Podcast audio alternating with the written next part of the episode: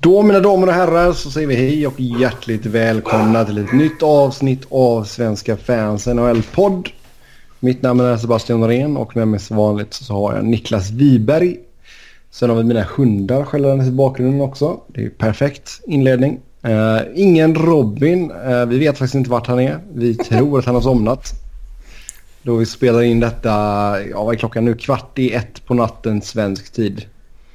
Så det kan helt enkelt vara så att Robin har somnat. Kommer han in i programmet under inspelningsgång så ja, då får han göra det. Annars så kör vi på här helt enkelt. Niklas, det var ett tag sedan vi pratade sist. Mm. Allt väl hemma? Det tycker jag. Eh, NHL får fan se till att börja nu så man har något annat att gnälla över förutom Arsenal. Mm, ja, det är ju inte lätt att vara Arsenal-fan dessa dagar. Eh, så ja, det är ett hårt liv. Kul. Ja, det är ett hårt liv. Absolut. Så eh, du har väl lite mer att se fram emot när det kommer till Philly i alla fall? Ja, där ser det jävligt spännande ut. Sen tycker jag ju, alltså säga vad man vill om Philadelphia och, och liksom att det har gått rätt många år sen man senast vann och hela det här köret. Och, eh, att Ed Snyder kanske ville lite för mycket, lite för tidigt och så vidare. Men eh, de har nästan alltid försökt i alla fall. Mm. Det kan jo, man inte det, alltså, det, direkt anklaga Arsenal för om man jämför mina två favoritlag. Nej, och det känns som att det är en ganska positiv vibe runt Fille just nu dessa dagar också. Mm. Och det kan man ju absolut inte säga om Arsenal. Nej. Jag ska ju på Arsenal Bournemouth nu. Det kommer ju bli... Uh... Det känns som det kan bli lustig stämning. Med tanke på mm. allt som har skett och allt sånt här. Jag har ju fått liksom ja, du... uppleva några jävligt sköna matcher med Arsenal. När de vann FA-cupen var jag på plats och 2-0 mot Bayern München och lite sådana här grejer. Men... Eh, vet, tänk om det går lite illa i första halvlek mot fucking jävla Bournemouth. Mm. Då drar, drar du igång en väng, Wenger ut-ramsa. exakt, exakt. Alla, jag har redan bokat ett flyg som ska komma med en sån här uh, banner. Mm. Och då ska vi stå Wenger ut på den också. Ja, det är bra, det är bra. Vi eh, tar och eh, kollar in det senaste som har hänt i NHL och eh, sen går vi in på era lyssnarfrågor såklart. Som vanligt tack till er som har skrivit in. Det senaste här då, François Borchemin, ettårskontrakt med Anaheim. Tillbaka en vända där nu då. En miljon capita plus bonusar. Och eh, ja, alltså hur ser du på Borchman? Alltså han har ändå kommit till ålderns höst här nu. Men än så gjort ett bra jobb när han har varit i, eh, i Dax tidigare. Ja, men alltså vad han har gjort i Anaheim tidigare är ju förhållningsvis eh, irrelevant kan jag tycka. Med tanke på att han inte är jättebra numera. Han kanske känns mer bekväm i, ute i Orange County. Alltså, det är klart han kommer ha bättre möjligheter att se ja, inte så usel ut i Anaheim än i Colorado. Det säger väl sig självt om man går från ja. det som var ja, toksist och fullkomligt värdelöst förra året till ett lag som om allting klaffar ska liksom utmana om kuppen ju. Ja exakt. Så jag menar, det här snackar vi att han kommer vara sex eller sjua. Ja, och, och signa upp honom på det. Ja, ett billigt ettårskontrakt. Alltså, det finns ju ingen risk med det. Funkar det inte så funkar det inte. Då begraver man honom eller skickar ner honom och så vägrar han och så river man kontraktet och så vidare. Och problemet som kan uppstå det är väl om coacher eh, får för sig att en sån där spelare ska spela högt upp i hierarkin. Bara för att han var bra en gång i tiden. Eller för att han en gång i tiden var en bra spelare att ha jämte en, en ung uh, ny back och så vidare. Då är det ju ett seriöst problem. Men ja, nu vet man ju aldrig med Anaheim med tanke på vem det är som bossar det här.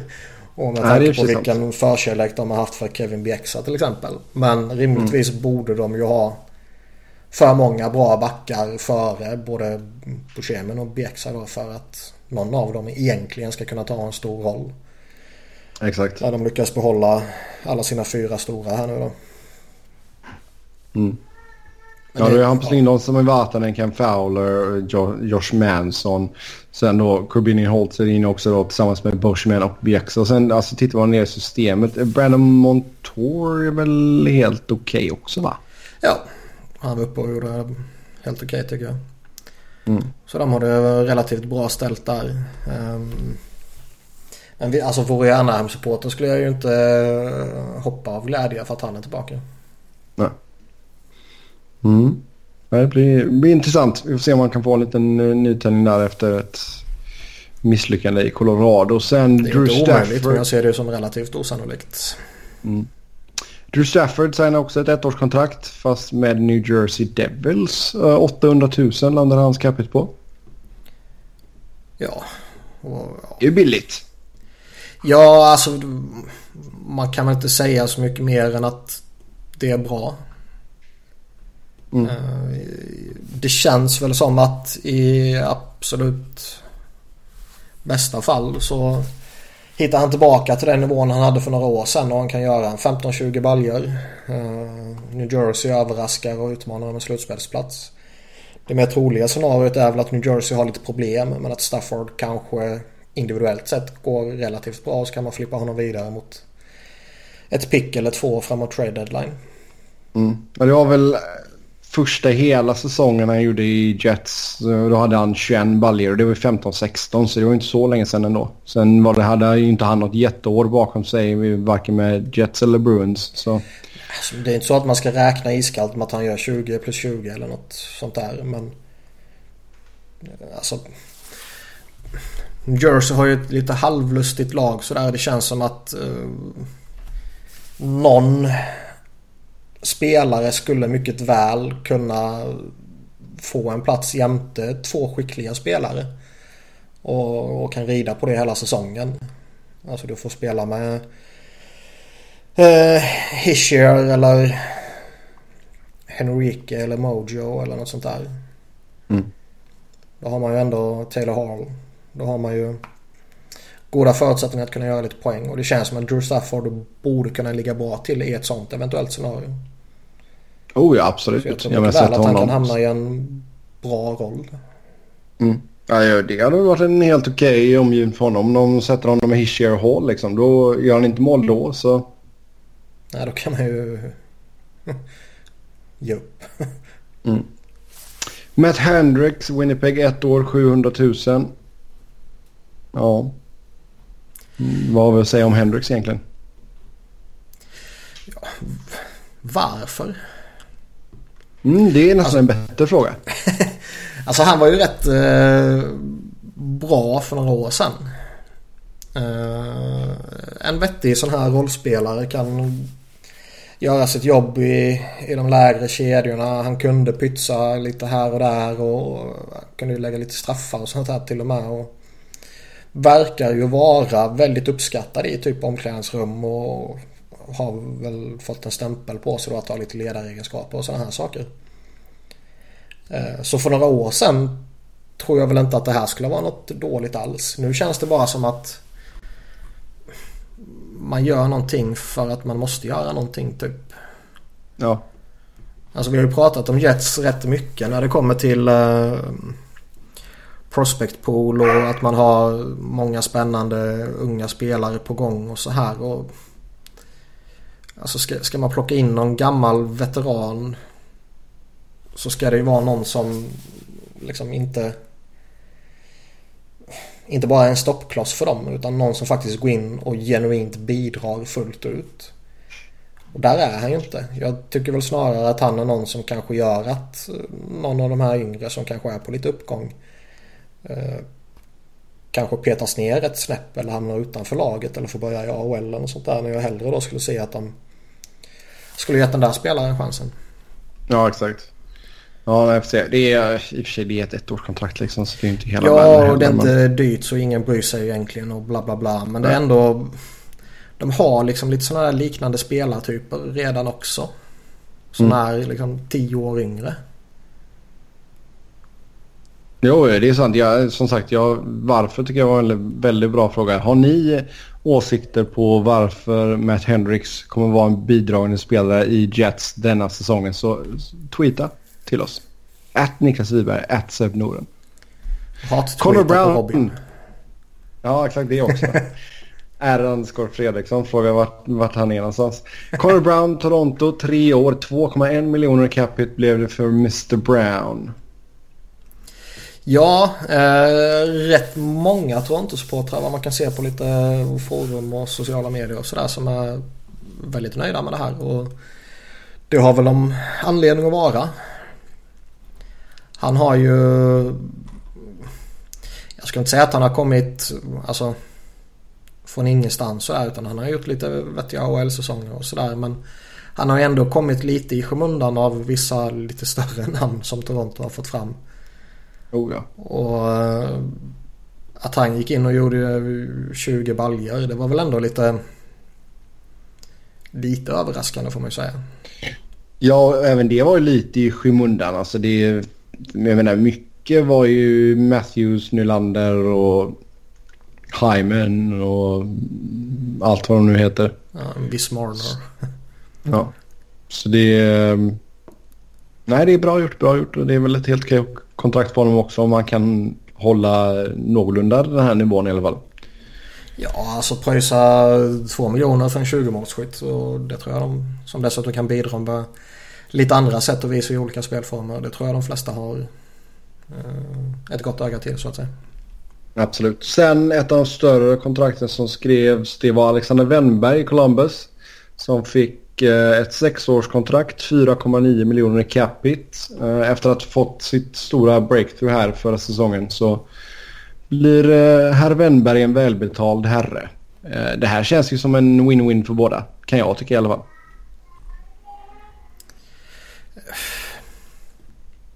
Jag vet väl inte om det är en win-win. Alltså jag tror mycket väl att uh Wennberg skulle kunna ha rätt goda möjligheter att få ett lite större kontrakt. Alltså titta vad de pröjsar för eh, Dubinska och Foligno till exempel. Och att han inom kort inte skulle eh, ha jättegoda möjligheter att peka på de där två och säga jag ska ha mer än vad de här soporna tjänar. Alltså det tycker jag känns rätt givet. Och lyckas han hålla någonstans en nivå som han ligger på nu och kanske till och med göra några baljer till. 13 mål är rätt lite för att vara så framträdande som han är. Och Ja. kan man med lite flyt öka assistkolumnen också så då är han ju med lite flyt som sagt upp och nästan snuddar strax under point per game och sådär. Det är ju jättestarkt och ligger han kvar där han ligger nu på 60 poängs nivån så är det ja, i dagens NHL är det ju en bra nivå att ligga på liksom.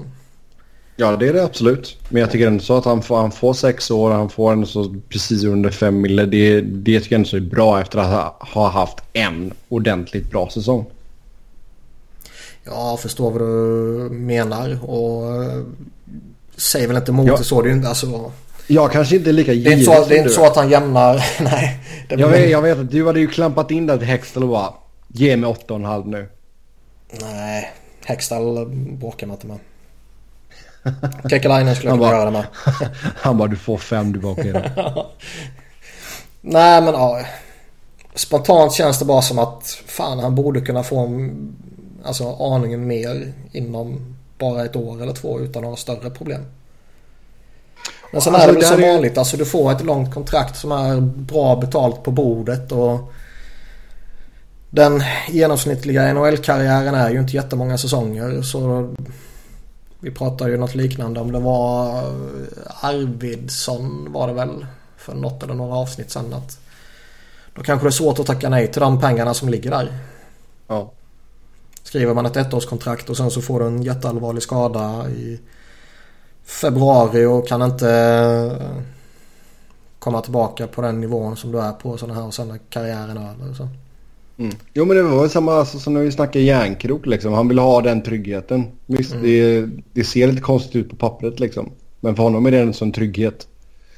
Eh, och det är en så liksom livsförändrande pengar. Även, fall, även fast du kanske inte tjänar de här enorma summorna så är det en så rejält med pengar. Jag skulle gärna tagit de pengarna. Ja. Det har jag också gjort. Eh, sidospår när det kommer till Columbus. Cam Atkinson hade ju en jävla säsong nu här senast. Och går in på sitt sista år på sitt 3,5 miljoners kontrakt. Är du Columbus, hur länge väntar du? Väntar du så länge som möjligt för att se ifall han kommer att hålla i detta? Eller blir det risk att han blir riktigt dyr då? Jag vet inte. Alltså... De flesta som har lyssnat på den här podden länge vet ju vad jag brukar tycka om att låta nyckelspelare gå in på sista året och sådana där saker. Men jag ser ju verkligen inte han i den kategorin. Nej, det är en sån spelare som har, alltså, när vi har snackat rykten, han har ju varit med så många gånger. Det känns som att de har velat dumpa honom jättemånga år men sen har det av lite olika anledningar, vad det nu kan vara, har det inte blivit av. Och sen hastigt och lustigt så bara tar han fart nu de senaste två åren eller någonting här. Och, eh, visst, han kan väl vara en late bloomer men det lutar väl mer mot att, att han kommer ha en väldigt kort prime här på två eller tre säsonger och sen kommer han plana ut. Mm. Mm, när vi får alltså håller han i det, den formen han hade förra säsongen så jag menar sett han Atkinson, Wennberg och Panarin tillsammans så kan det nog bli åka av. Ja, verkligen. Sen vill jag ju säga där, där, där nämnde du faktiskt också. något som jag inte tänkte på med Wennberg också. Alltså en säsong jämte Panarin så kan ju Wennbergs produktion skjuta i höjden. Mm. Och uh, då ska han ju ha ännu mer pengar. Mm. Eh, Thomas Warneck sen signar ett ettårskontrakt med Vancouver, två miljoner. Um, ja, Canucks. De försöker lappa ihop det här skeppet. Fast grejen är att vi sa ju det, jag för mig, det måste ha varit kring Free Agents eller något sånt där. Att liksom förvånande att Vancouver faktiskt gör bra saker. Mm. Och nu fortsätter de med ytterligare en bra sak här. Thomas Warneck är ju ja. långt ifrån det som han en gång var. Men jag är jävligt förvånad att det tog in i september innan han fick ett kontrakt. Oh ja. ja, men alltså det är ju samma sak som Jagr är fortfarande osignad. Det är ju bedrövligt. Ja, men där, där kan jag ändå ha det, förståelse för det. Att kräva han, alltså som det snackas om lite där i början, 5 miljoner och så ska han ha en eh, uttalad roll i en toppkedja med de här minuterna och den här matchningen och sådana här saker. Då, och, och liksom är 57 år gammal. Då, jo. då har jag förståelse för det. Då är det väl ett chicken race vem som viker sig först på något sätt. Ja. Nu i dagarna hade han ju varit ute också och sagt att han... Ja, ett alternativ är ju att inleda hemma i Tjeckien och spela för laget han äger och förbereda sig för OS. Ja. Och det skulle kunna vara häftigt. Ja, Men man vill alltså se det... han i NHL ju. OS eh, kommer vara så jävla ointressant. Ja, det kommer vara lite halvtradigt. Men, men alltså när vi är så inne på Canucks. Jag menar, Bo Horvath är ju inte signade nu. Nej. Men ja, Alltså jag, man ska väl ha sina spelare signade till campen men... Alltså ja, om du har en RFA... poängbästa spelare kan jag väl tycka är lite värt att ha. Jo, men det är liksom ändå en RFA och så länge det inte är någon risk för någon, att man riskerar att tappa med stora offershit och sådana här saker så... Om han signar tre dagar innan campen eller om han signar 30 dagar innan campen. Det känner jag är liksom... Så länge man inte blir ovänner. Mm. Ja, det är sant. Ja, vad tror du om Vanek då? Får han, eh, kommer han vara ny lekkamrat med Sedinarna då? För Louis Eriksson har ju inte riktigt funkat som man trodde. Alltså jag har väl alltid tyckt Vanek passar bättre på vänstersidan. Och eh, mm. jag har ju svårt att tänka mig att Daniel Sedin skickas över på högersidan för att göra plats för Vanek. Ja. Ja, men då får du sätta Vanek med Bo då. Ja. Eh, Louis Eriksson kanske får en ny chans. Fanns väl Sam Gagné där så kanske det funkar. Alltså de har ju lite olika alternativ att testa med dem faktiskt för en gångs skull. Och ja. då är det liksom inte Derek Dorsett och liknande som är de alternativen. Utan de har ju några riktiga alternativ för en gångs skull nu då. Mm. Ja, de har gjort några små bra grejer här, Canucks. Det får vi ge dem. Mycket chockerande. Mm. Ja, det är alltså, jag, Ett jag av jag, lagen alltså, i ligan som man inte såg göra på pappret bra saker. ja. Nej, alltså jag, gillar ju att de plockar in Bumistrov på ett år 900 000 också. Liksom det, Ja, det är en bra chansning. Det... Del Soto är en ja, bra ja, värvning för dem och Sam Gagné, visst kanske lite för dyrt och lite för långt kontrakt men det är en bra chansning för dem också. De måste ju hitta de här spelarna som ändå kan Alltså så länge de har Sedinarna så vill de ju försöka vara slagkraftiga och Det kan man väl köpa också liksom. Och då jo. måste de ju göra de här värvningarna och hoppas att man prickar rätt med dem. För någon annan alternativ finns ju inte. Så länge de vill behålla Sedinarna och, och försöka ja, få dem att rida in i solnedgången på ett, ett vackert sätt. Mm. Ja, ben, alltså Benning var ute och sa också att jag menar, de kommer ju inte försöka göra sig av med Sedinarna heller. Liksom. Utan de, de kör tills de känner att de är klara. Liksom. Jo. Så uh, vi får väl se hur det går om de kanske tar ett år till. De har går in här nu. De har ju 7 miljoner capita här detta året. Sen blir båda UFAs. Så vi får se om de kör ett år till. Jag tror jag har sagt det tidigare. Det känns inte som att det kanske kan bero lite på hur det går för Modo denna säsongen. Kliver de upp i jo, SHL det kan kanske nog... de kommer tillbaka och lirar något år i Modo i SHL. Ja. Sen eh, Anthony Duclair, Arizona, skrev på ett ettårskontrakt, 1,2 miljoner. Drog ut lite på tiden där med Duclair. Uh, får vi se. Det känns ju som att det är lite upp till bevis för honom nu den här säsongen. Ja. Uh, det var ju, alltså det kom ju till och med snack uh, att han kanske var på marknaden ju. Mm. Ja, han var ju nere en sväng i, i Tucson förra säsongen Tucson. också. men nej, men det var ju lite förvånande. Alltså första säsongen där i Arizona var ju jättespännande. Ja, den var ju skitbra liksom. Så 20 baljor. Förra året, var ju, ja, förra året var ju en riktig missräkning. Ja. Men jag vet inte om han blev lite för bekväm där efter det. Att, I och med att det gick så bra i början. Eller så är det bara ett jävla skitlag helt enkelt. Ja, de hade ju ingen bra säsong förra säsongen. Absolut inte. Men vi får väl se, vi får väl se. Men jag håller med dig lite kanske att han... Eh, om han inte hittar tillbaka till den här 15-16 nivån så... Eh, dröjer det nog inte jättelänge innan det kommer nya rykten och spekulationer om att han kan vara på marknaden. Nej exakt, jag menar de har ju en del spelare som står och bankar på den också liksom. Så eh, mm. han ska absolut inte känna sig säker på en plats. Nej, men det är i Arizona är det väl i ärlighetens namn få som kan vara det. Jo. Mm. Nej, det blir... Som sagt, det blir intressant. Sen, Danis Saripov får spela i NHL trots sin dopningsavstängning av IHF. Eh, Rangers, Devils, Golden Knights och Blackhawks sägs vara intresserade. Det är en så jävla lustig situation där världens största och bästa liga inte lyder under liksom internationella förbundet och inte bryr sig om vad... De har ju sina egna dopningsregler. Ja, de har egna regler och de skiljer sig från uh, alla andras. Men... Ja, jo tack, det vet vi. Det blir ju liksom... När det handlar om sådana här grejer så måste man ju någonstans ändå hedra varandras avstängningar. På samma sätt som man ska hedra varandras kontrakt.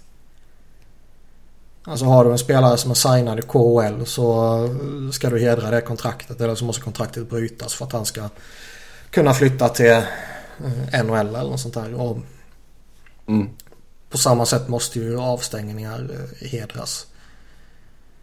Om nu ligan ja. får för sig att... Eh, alltså vi har ju klankat ner på ligan så många gånger genom åren. Och den är ju så jävla lustig. Men får ligan för sig att nej men det här är inte viktigt. Han kan få spela hos oss. Då tycker jag ändå att då måste lagen ändå ta någon form av moraliskt ansvar och säga att nej vi kommer inte vara intresserade av den här spelaren.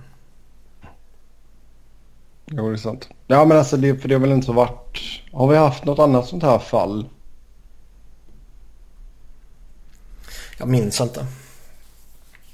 Alltså det är, det är, antingen är det samma eller så är det liknande grej som eh, Niklas Bäckström eh, eh, blev avstängd för i OS.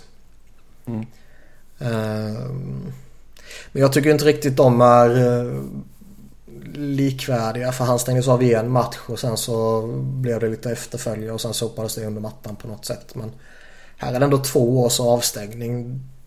Det är ju saftigt värre alltså. Ja. Alltså jag tror väl... Försöker titta, komma på någonting. Mark McSorley försökte ju spela i eh, England var det väl?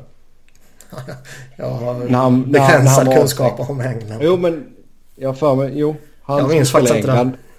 Han skulle spela i England men eh, då gick IHF in och sa att nej nej du är avstängd i NHL då är du avstängd här också. Mm. Um, men sen så spelade han väl... Ska se, vänta. Jo, han spelade 14 matcher för Grand Rapids i IHL 2000, 2001. Då var han ju fortfarande ja, jag äh, avstängd i NHL. Men Sarpov är ju... Han är ju en sån här spelare som genom alla år har velat se i NHL. Man har ju velat se de här bästa ryska spelarna som har varit så bra i KHL och som har varit så bra i VM och som till och med har tagit plats i OS-lag när eh, de bästa har varit tillgängliga så här. Eh, och han är ju i den kategorin även om han nu börjar bli lite gammal. Mm, men det är ju liksom inte på det här sättet man vill se honom i ligan och han var ju superbra i slutspelet i KHL. 15 mm. mål på 18 matcher. Det är ju fantastiskt liksom. Han går in och signar ett billigt med Blackhawks där vet du. Så har du en anledning till att hata dem lite mer. jag behöver inte fler anledningar för det. Det kan jag lova dig. Mm. Men det är ju... New York ja, Islanders jag, jag, jag tycker ju... Ja. ja. Jag, jag tycker Nej, verkligen... Borde, han, han borde inte få spela i NHL heller. Så mycket kan jag säga. Nej, han borde inte det. Och om ligan nu är så dumma så att de tillåter honom göra det så borde ju lagen ha så pass mycket moral att de kliver undan liksom. Ja. Och så idag var det snack också om att Pittsburgh är ett av lagen som kommer, eh, eller som ligger närmst eller vad man ska säga. Och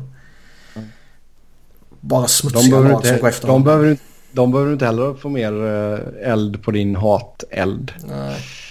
Um, New York Islanders och John Tavares sägs inte ha diskuterat några pengar ännu.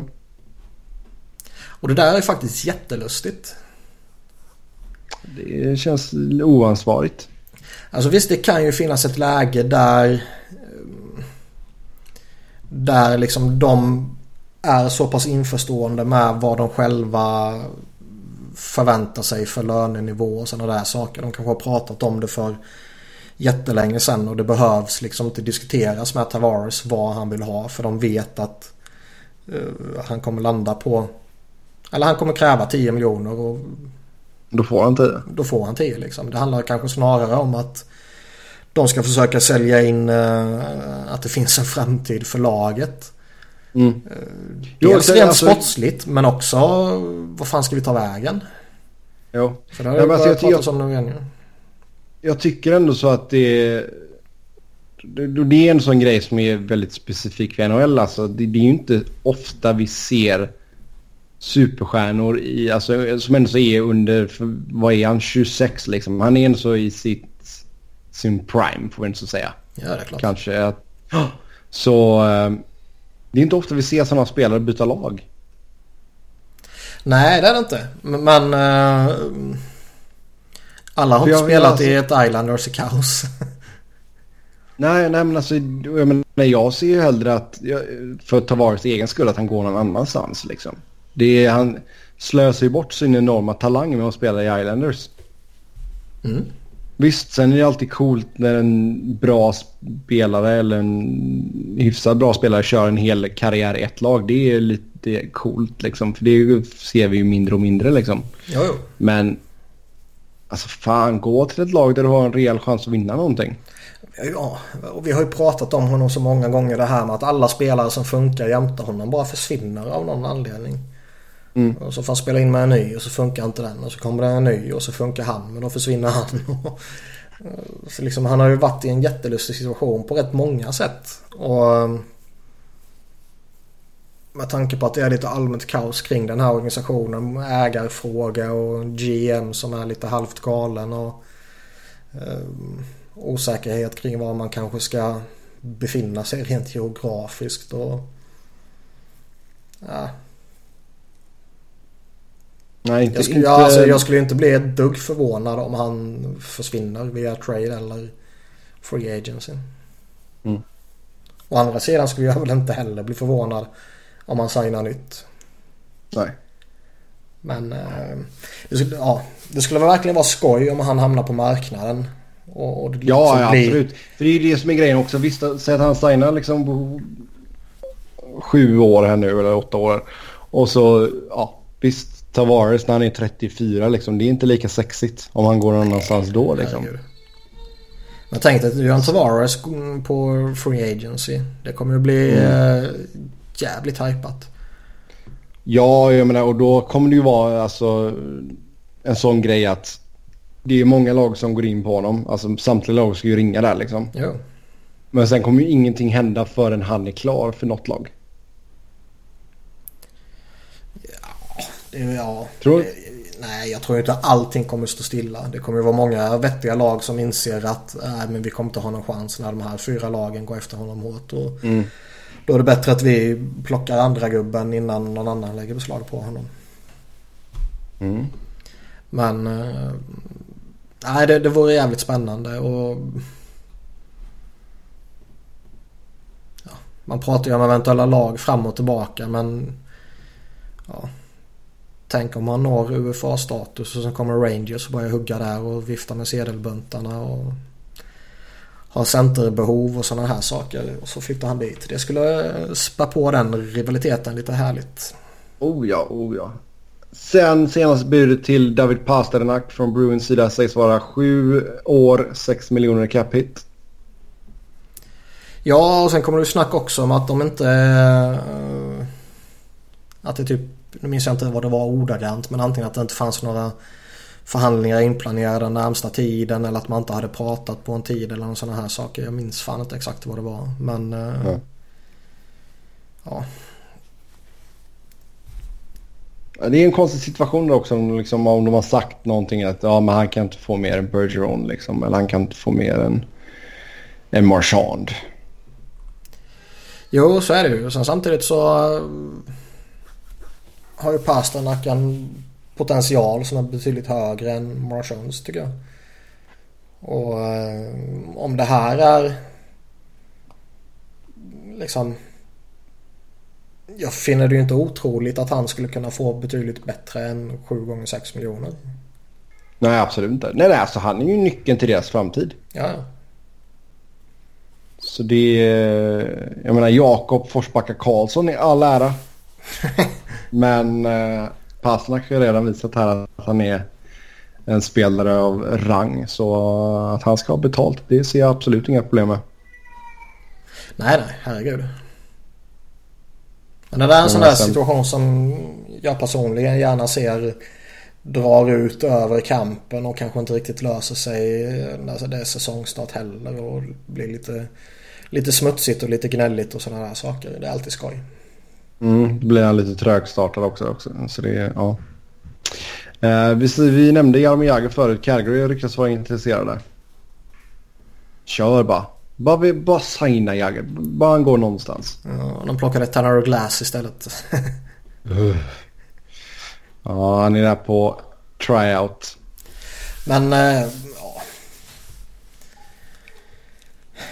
Jäger. Eh, egentligen vill jag bara se honom i NHL och jag bryr mig egentligen inte vilket lag det är. Det vore bara häftigt om han spelar en säsong till. Men å andra sidan så vill man ju ändå att han ska vara i ett lag som på allvar kan utmana. Så att han verkligen har den här chansen att eh, tänker kunna avsluta med en kupp liksom. Mm. Och det är väl inte direkt alltså, bäst chanser i ligan i Calgary. nej. Alltså det. Sen kan han hitta roman- sämre alternativ än Flames. De har... Eh, deras stomme är jävligt intressant. Mm.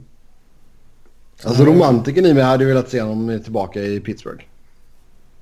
Nej, Jo. nej vi kan inte sitta och hoppas på att de vinner kuppen tre år i rad. Nu...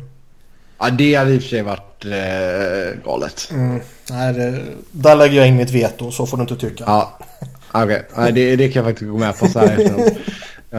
Tre år på raken, nej, nej, nej. Någon måtta får det fan vara. Ja. Sen Shane Doan går i pension. Det, ja. Vad är det? Den mest respekterade fula spelaren i ligan. ja, du tweetade ut någonting om det efter det blev klart här att han tackar för sig. Alltså det är ju inget snack om att han, eh, bortsett från lite slutet här när han blev jättegammal, så han var ju en jättebra spelare i jättemånga år. Det kommer man ju aldrig ifrån liksom, vad man än tycker om honom. Mm. Men han var ju också lite smutsig. Det var ju lite fula grejer han hade för sig och lite farliga grejer han gjorde och sådana här saker. Så det är ju ändå lite förvånande att han har den respekten han ändå har. Ja, För han var, ingen, han var ingen superstjärna så sett ju. Nej, men Superstjärnan, det är... alltså Evgeni Malkin är ju en fantastiskt duktig hockeyspelare. Men en jävligt smutsig spelare också. Men han har ju ändå mm. superstjärnestatus. Så där kan man ändå förstå att han kom undan med en hel del. Ja, nej alltså just Shane som du säger kan vara lite småful på isen och sådär. Och bra, bra, glappa bra på käften också på honom. Mm. Men alltså på sidan av isen, det är ju fan en av de trevligaste jävla människorna som finns. Det är alltså helt sjukt. Jag har aldrig träffat någon så jag har ingen aning. Alltså, Men det, äh, ja, jag, det där är ju också lite som lite tråkigt kan jag tycka när en spelare slutar och det enda som eh, media liksom pratar om det är vilken classic guy han var. Att han var alltid, mm. ställde alltid upp och han var good quote och sådana där trams liksom. Fan, berätta om hur han var på isen istället. Säg att han var skitdålig eller skitbra på isen och säg att han var ful och farlig eller en gentleman på isen. Jag bryr mig inte om hur han var i katakomberna under arenan liksom. Ja, men som du säger, bra småful. Och sen eh, top notch off the ice. Liksom. Och en, en så en bra... Han har ändå varit en bra kapten som har stått upp i vårt och tott för en organisation som har varit i tumult i många, många, många år. Ja, och någonstans som, som vi har sagt eh, varenda gång det är en sån här lång trotjänare som eh, avslutar i ett annat lag i en säsong. Statistikraden ser inte lika fin ut då. Nej. Här har man ju uh, ja, en säsong i Winnipeg som sen blev Phoenix och sen är det ju Phoenix en herrans massa år innan det blev namnbyte till Arizona här mot slutet. Men det är ändå ja. en fin statistikrad. Ja, ja absolut. Nej, vi får se där om de... Uh, för de kör ju någon sån här dum uh, Ring of Honor typ. De har ju inga tröjor upphissade. Nej, jag vet. Men det är bara en tidsfråga innan han kommer dit ju. Men jag tycker ändå så att Don... Visst, alltså du och jag har olika... Vad heter det? Krav. åsikter om ja, olika krav. Jag tycker inte att Shane Doan har gjort så pass mycket för den organisationen att han förtjänar att få sin tröja upphissad. Eh, jag, vi behöver inte gå in på det här mer för vi ska prata om en annan spelare som ska få sin alltså, tröja upphissad. Jag, jag har ju alltid sagt att det ska krävas något enormt och folk hatar mig förmodligen för det. Men sen har jag alltid sagt Nej, eller, så ska, det, eller, liksom... eller, så ska det vara något extraordinärt. Alltså vad Ray ja. Bork gjorde för Boston liksom. Och Shane Doan kanske är någon form av extrem light-version av Ray Bork. Mm. Om man bara ja, tänker liksom... på att han... Eh, lång framgångsrik karriär, ett jävla skitlag. Han var de eh, trogna hela tiden. Och han hade ju bra många säsonger där han var runt eh, 25-30 baljor. Mm. Ja, så visst, det kanske inte är orimligt så sett. Mm. Uh, vi har fått ett gäng med spelare som ska gå på PTOs. Uh, eh, Tanner Glass har vi redan sagt, Calgary. Sen Jared Cohen, Columbus. RJ Umberger, Dallas. David Booth, Detroit. Brandon Peary, Florida. Harry Solnerchik, Florida. Chris Lee, LA. Andrei Loktionov, LA. Brandon Prust, LA. Ryan Malone, Minnesota. Alec Jelena, Montreal. Bobby Butler, Nashville. Jimmy Hayes, New Jersey. Bobby Farnham, New York Rangers. Jake McClement, Pittsburgh Ryan White, Vancouver. Eh, något namn som sticker ut här. Och, alltså, det kan vara åt ett negativt håll och, och åt ett positivt håll. Det spelar inte mig någon roll. Alltså må många gånger ska man ju egentligen bara rycka åt sådana här PTOs. Uh, det finns ju den här regeln att man måste ha ett visst antal veteraner ombytta varje träningsmatch och sådär. Ja. Och Ibland tar de in någon på tryout bara för att eh, kunna fylla mm. uh, en roster helt enkelt innan man börjar portionera in alla ordinarie veteraner. Då. Uh, så det ska man väl alltid ha i bakhuvudet. Sen är det ju vissa saker som känns jävligt lustiga. Brandon Prost i LA. Ja. Alltså vad fan. Ryan Malone i Minnesota känns ju... Vad fan kommer det ifrån liksom? Mm. Alltså Chris Lee tycker jag ser lite intressant också. Jo men den är ju den är intressant. Den är ju inte konstig.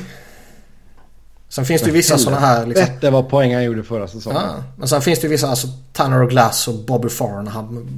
Bort med idioterna från ligan liksom. Herregud. Ja. Tragiskt att man bur in dem för fan. Uh, men det finns ju vissa som är intressanta på riktigt om man ska säga så. Mm. Brandon Perry att han var tvungen att ta tryout är väl lite förvånande. Uh, ja. Chris Lee som du nämnde. Intressant att se vad han kan göra så här som du sa. Kommer från en bra säsong. Um, ja, Jimmy det, Hayes till New Jersey tror jag är bra. Han borde kunna spela till sig ett kontrakt. Och det är bra av Devils i så fall. Ryan White är jag inte någon jättestor beundrare av men ta in han på tryout och signa honom billigt och hålla honom i en väldigt eh, liten roll i en fjärde kedja så behöver inte det nödvändigtvis vara dåligt. Nej, exakt. Nej, alltså just för att komma tillbaka till Chris Lee också. Jag menar, det är ju, det är ju rätt lag att gå till på tryout också. De dåliga lagen ja, så man får chans att ta riktig speltid. Nej, vad menar du? Nej, men just det att jag menar, Kings backsida inte ser helt hundra ut. Uh, ja, du har inte fattat det. Alltså det, du har ett bra första par om du kör Muzzin och Doughty liksom. Nej, det vet jag bara när mobbar dig. Men, Nej, men jag håller med. Eh, alltså där finns det väl ett bra kamp. Så kan det nog finnas uh, möjligheter där. Oh ja. Och som sagt han kommer från en del bra säsonger i KHL där den gångna säsongen var riktigt fin. Mm. Um, han har gjort det bra i eh, SHL tidigare och allt sånt där så han håller ju en bra nivå. Um, sen är han 36 år gammal och har kanske inte jättemycket bensin kvar i tanken men... Nej men fan kör ett ettårskontrakt liksom. Ja. Jag tycker inte alls det var dumt att chansa på honom. Nej. Sen eh, Loktionov vet jag inte riktigt. Det var ju ingen spelare som var bra när han var där förra gången liksom. Nej, alltså, slänga ut en chansning liksom. Fan, de behöver mm. forwards hjälp. Ja, de behöver lite folk. Ja, ja det är sant. Ha. Prickar han rätt så, ja. Mm. Nu ska vi prata om Eric Lindros. Som ska få sin tröja hissad av Philly. Mm. Du tycker inte att han ska få det? Nej, alltså vad fan vad vore jag för en jävla idiot om jag sitter här och säger att Dominik Hasek inte förtjänar det i Buffalo och sen ska jag börja argumentera för att Eric Lindros förtjänar det i Philadelphia. Mm. Men hur är, alltså vart är Eric Lindros på din, eh, vad ska man säga, lista över dina favorit Flyers-spelare genom tiderna? Alltså John Leclerc är ju etta. Sen eh, får jag väl sätta svår, svårt att sätta Simon Gagné eller Eric Lindros. Alltså de är ju två eller trea. Och mm. Idag, ja, of, idag tycker jag... bra. Ja, idag tycker jag den ena och nästa vecka tycker jag den andra. Och sådär liksom. Men Lindros, fantastisk hockeyspelare. Um, förmodligen utan tvekan den mest talangfulla spelaren som har spelat i Flyers. Och eh, han har ju ett utomordentligt fint poängsnitt till exempel. Han spelade ju var det knappt 500 matcher och landade på drygt 650 poäng och sånt där. Eh, vad det nu var. Och ja, femte bästa poängplockaren, best points per game och överlägset så här. Och han fyller ju vissa av de här kriterierna som jag brukar säga. Man ska ha ja, framgångsrik över tid och man ska ha vunnit någon eh, Indurell trophy award och sådana här saker. Men han bommade ju kuppen och hur man än resonerar om Eric Lindros så tror jag i princip allihopa är överens om att hans karriär i helhet och hans karriär i Flyers är en besvikelse. Ja, besvikelse på grund av skadorna. Ja, det finns ju mm. alltså, legitima anledningar. Det var inte så att han chokade eller floppade på det sättet. Utan det var ju skadorna i allmänhet och hjärnskakningar i synnerhet som dödade honom om man ska överdriva lite. Ja. Men det... Ja. Jag tycker ju en grundförutsättning är som sagt att du ska ha vunnit kuppen. Och det misslyckades han med. Ja, fast samtidigt så, har vi ju, samtidigt så har vi vissa spelare som har vunnit kuppen flera gånger som inte kommer vara i närheten av att få sin tröja upphissad. Ja. Det är inte så att det ska vara det enda kriteriet. Det har jag aldrig någonsin sagt. Nej, det vet jag att du inte har. Men, Men jag, tycker ändå, jag tycker ändå att han är så pass framstående i Flyers historia att han förtjänar att få tröjan upphängd. Fast grejen är att jag tycker inte att han är... Jag, jag, jag kan köpa det här att ja, han är framträdande. Det är han.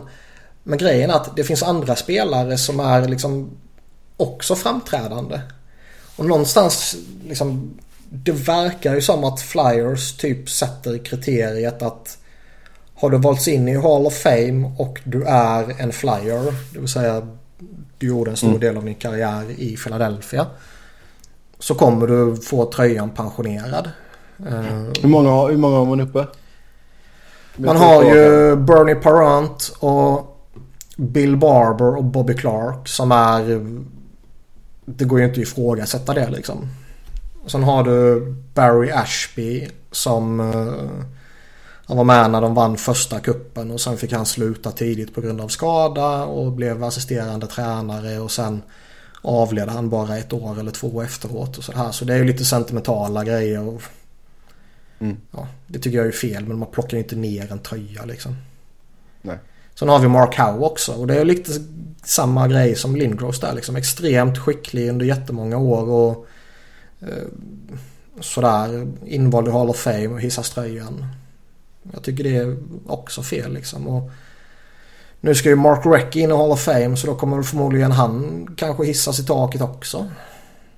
Mm. Och det tycker jag också är fel. Även om han hade jättemånga bra säsonger i Flyers. Och liksom har man någonstans öppnat för att Howe och Lindros och Recchi ska upp. Varför ska inte Brian Propp upp? Varför ska inte Tim Kerr upp? Varför ska inte Rick McLeish upp? Varför ska inte Eric Desjardins upp? Eller varför ska inte Ron Hextall upp? Jag, jag tycker liksom att... Det är ju inga nummer kvar i så fall. Nej, och, och det är liksom av trams. Alltså titta på Montreal, de har ju typ inga nummer kvar. Men det är för att de har vunnit kuppen eh, en fjärdedel av ligans eh, existens liksom. Mm. Och... Nej jag, nej, jag tycker bara att det ska vara den, det är liksom den största äran du kan få av ett lag och det ska man hålla jävligt hårt om. Så mm. även om Eric Lindros är extremt stor för mig så tycker jag att det är direkt felaktigt. Ja, men då får du sitta och bua helt enkelt. Ja, det kommer jag ju inte göra. Du kommer sitta där med gråten i halsen och visa highlights-filmen. Ja, jag kommer förmodligen jubla när de gör det och jag kommer förmodligen uh, hylla honom och allt sånt här. Men alltså, man kan ju uppskatta en spelare samtidigt som man tycker att nej, han ska inte ha i taket att göra. Mm. Är sant. Ja, sen... Eh, Dan Girardi köper Steve Eisermans hus för 3 miljoner dollar. Konspiration? Frågetecken, utropstecken, frågetecken, utropstecken, frågetecken. Det här är ju skitskoj. Mm. uh, man signar en back som har blivit utköpt och som är liksom jättedålig. Till ett mm. kontrakt som väldigt många ställer sig frågande till. Mm, två år, tre miljoner i capita. Ja. Och eh, vad var det? Två månader senare eller någonting så visade det sig att han har köpt eh, snubben som gav honom kontraktets hus. För en årslön. Ja. ja, det är fint. Så då är frågan, ska, ska man vara konspiratorisk och... Eh, ja, det är klart det ska vara. Exakt Och, och liksom, ja, ja, men då är det ju ett tvåårskontrakt på eh, 1,5 miljoners capita. Ja, mer eller mindre. Och då kanske det är mer fair. Iceman, han är rätt ner i fickan. Det är ju perfekt för honom. Ja. Uh, ja fan, Jag undrar- det är jag riktigt undrar- smutsigt det här liksom. Vilka andra spelare har köpt grejer från honom? Ja, alltså jag undrar ju lite om det här huset, hur mycket det är värt också. Ja. Det kanske bara var appraised till uh, två mille. ja. Vad har liksom Ryan han- Callahan, vad har han köpt av Iceman? Ja, det är sant. Ja, det är värt att Eh, gräva i det här. se. Ja, ska vi se. Fyra sovrum, fem badrum pool. och ehm, sen har den access till någon, eh, vad heter det, kanal som går i Hillsborough Bay. Oj, oj, oj. Eh, nej, vad tråkigt. Okej, så den, det var listat i november för 3,6 miljoner ungefär. Sen var det... Ja, men du vet, Iceman är inte så sen- korkad så att han eh, inte sköter det smidigt. Sen gick den upp igen i juni för 3,45 miljoner. Sen såldes huset bredvid för 2,9 miljoner. Sen går Gerard in och köper Icemans eh, boende där då för 3 mille. Ja. Ja, det är värt att gräva i. Mm. Fem badrum till fyra sovrum. Mm. Ja, ja, ja. Så så var det med det i alla fall. Men det är kul liten sån story. Sen Henrik Zetterberg har uttalat sig om att han vill sluta innan hans eh, kontrakt går ut. Eh, det vill säga när hans lön går ner. Mm. Det är ju lite intressant faktiskt. Ja det är det. Han sa väl eh, om två år här då som spelar. eh, Kommande säsong har han ju eh, 7 miljoner i lön och efterföljande Mm. säsong har han 3,5 och de två sista åren har han eh, En. en miljon då. Och eh, alltså det var ju som Marian Hossa här som vi pratade om här om månaden att eh, varenda människa fattade ju typ att sannolikheten för att han skulle sluta den här sommaren var väldigt stor. Och eh, hastigt och lustigt så blir han allergisk mot sin hockeyutrustning. Mm. Det, nu ska man inte skämta bort det där för det kan ju vara ett fullt genuint problem givetvis. Men det är en jävligt lustig slump. Ja. Jo men sen kan det ju komma alltså. Z har ju haft problem med ryggen i flera flera år. Så det Fast kan ju vara. Det kan nog vara lätt för honom att få någon lapp från eh, doktorn där sen. Herregud, det löser ju lagen. Vill, vill de lösa det så löser de det. Det är det är inte så att han kommer sluta och så kommer de få eh, recapture-bestraffningar här. Det löser sig på något sätt ju. Men det är ju ändå... Det, skulle det vara så att vi inte löser det så var det väl ändå så 5,5 mille som de får. eh, Ja, jag minns inte vad det var. jag tror det var 5,5. Men, men det är ju liksom... Jag, jag kan inte minnas om det är... Är det någon annan som har sagt att... eh, Att de inte kommer spela ut sitt kontrakt, det Ja. tror jag inte. Det tror jag inte. Men det, alltså, det har ju hänt alltså- sådär att spelare...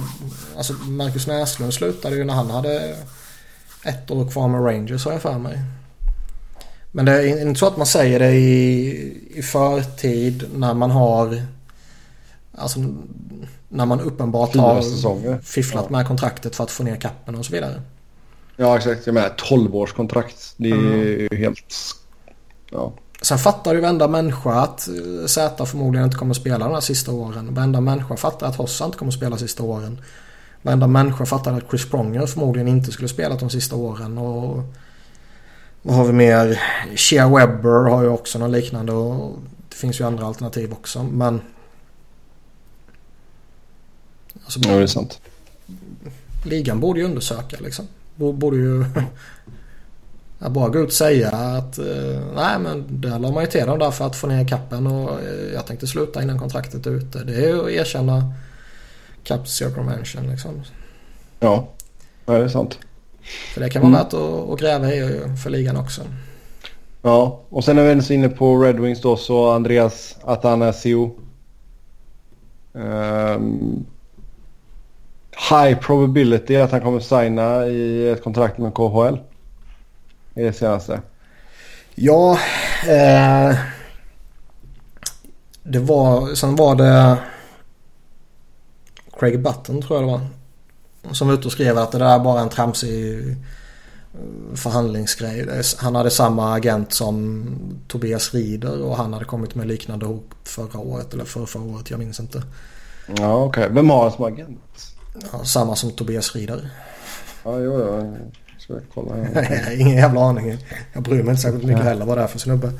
Men uh, att det bara är förhandlingsknep och att det inte är riktigt aktuellt. Men sen kommer dock, läste jag också någon, någon uppgift om att det senaste budet han har fått är ett tvåårskontrakt på en capita på knappt två miljoner. Mm.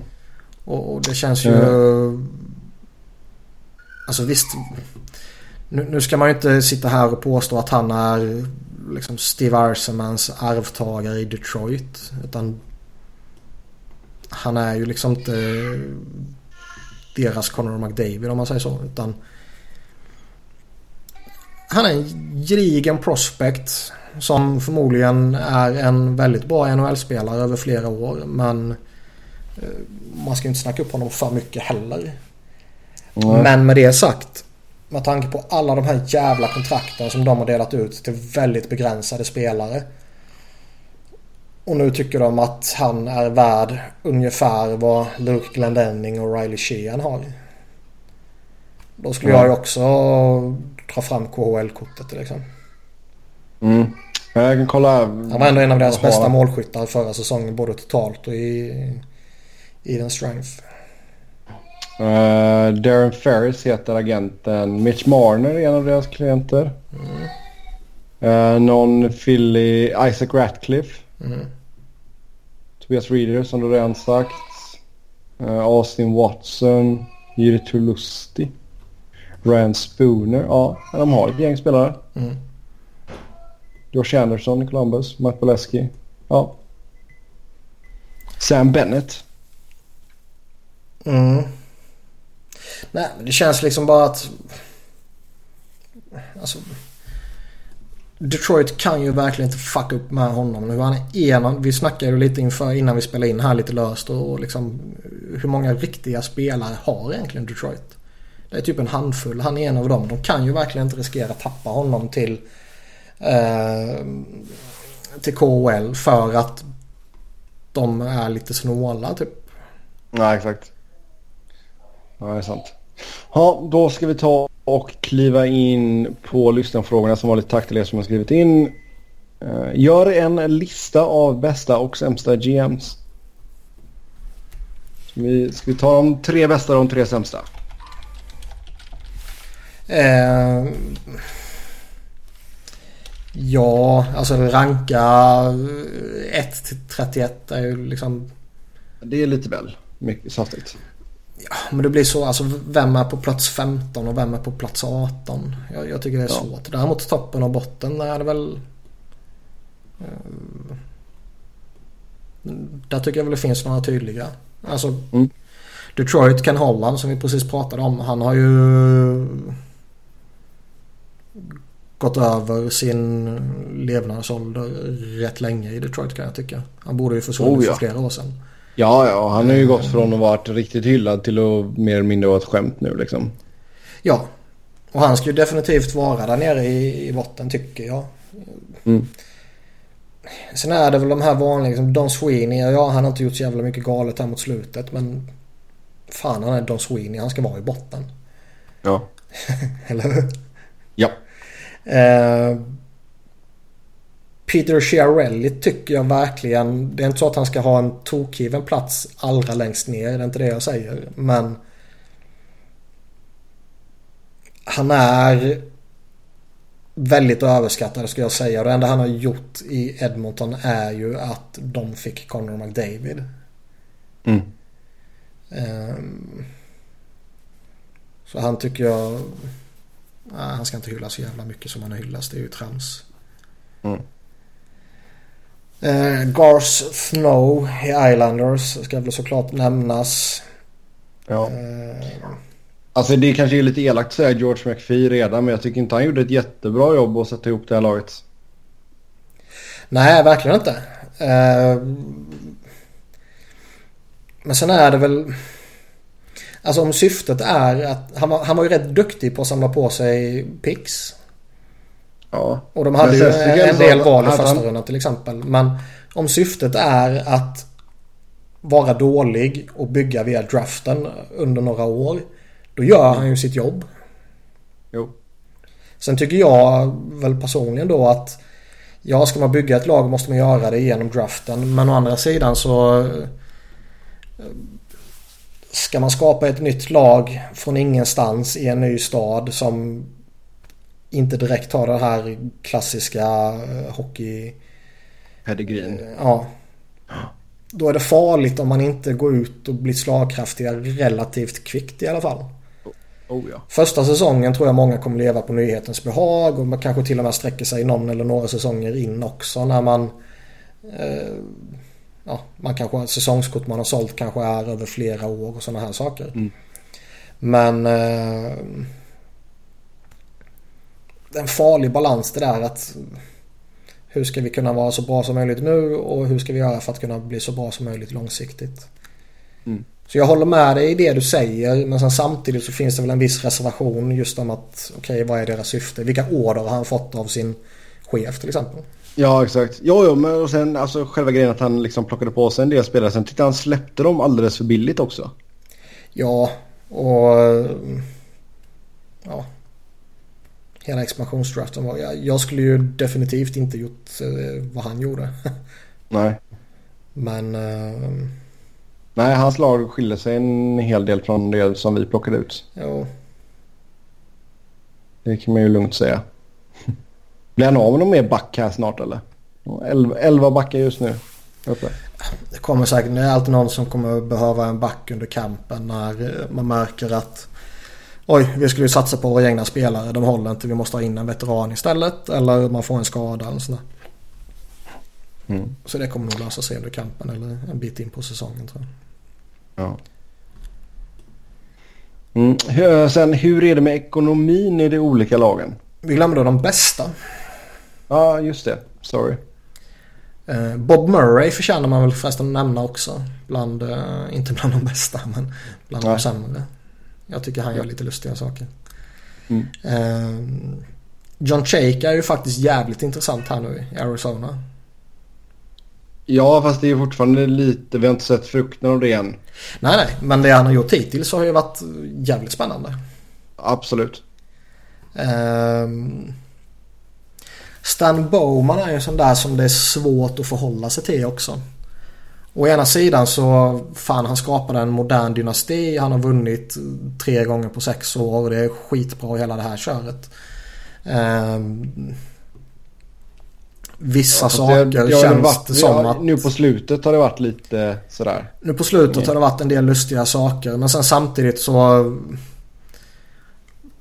Ja, på något sätt måste man väl ändå försvara honom i att han typ tvingades signa Kane och ta ut sig den här kontrakten. Ja. Det kanske var det eller ingenting alls och då, då signar man dem ju. Jo, det är klart. Men... Eh, mm, svårt att avgöra vad man har honom. Ja. Eh, Jim Nill har jag hållit rätt högt. Mm. Jag tycker väl han förtjänar nämnas igen faktiskt.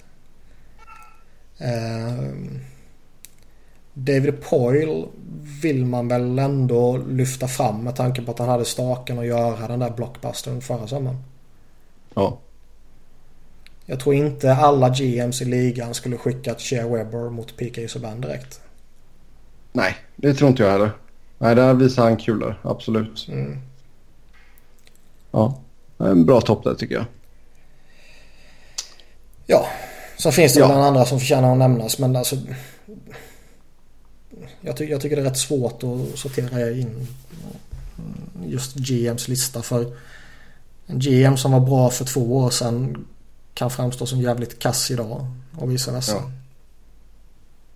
Ja, alltså my- mycket är ju också just hur de, hur de draftar och allt sånt där också liksom. Så det, är- ibland tar det ju ett tag liksom. Eh, ja, vi två som är utbildade ekonomer då. Um, not. Ska, eh, hur, ja, hur står det till med ekonomin i de olika lagen? Ja, alltså jag kan ju ärligt erkänna att jag inte direkt har eh, jättekoll på de 31 eller 31 lagens eh, egna ekonomin så att säga. Ehm, det man kan säga lite allmänt sådär är väl att eh, uh, det är en väldigt stor skillnad mellan lagen. Det är ju några få lag i ligan som tjänar jävligt mycket pengar. Oh ja. Uh, och det är ju de här uh, klassiska stora lagen liksom. Uh, Montreal, alltså, Toronto, Rangers typ. Ja. Exakt. Tittar vi på listan som Forbes släppte förra året. Nej, för, för, detta är 2016 är det. Mm, det är 17 uh, Ja, just det. Det är uh, då har vi Rangers 1, Canadiens 2, Toronto 3, Chicago 4, Boston 5, Flyers 6, Canucks 7, Red Wings 8, Kings 9 och Washington 10. Eh, ja, och... Eh, alltså, det är väl de här klassiska lagen. Eh. Går vi, tittar vi längst ner då hittar vi Carolina 30 Panthers 29, Coyotes 28, Blue Jackets 27, Predators 26. Och sen Buffalo 25. Det är väl, alltså, dels är det lite så här inga klassiska hockeymarknader. Eh, dels är det lag som inte har haft jättemycket framgång mot slutet.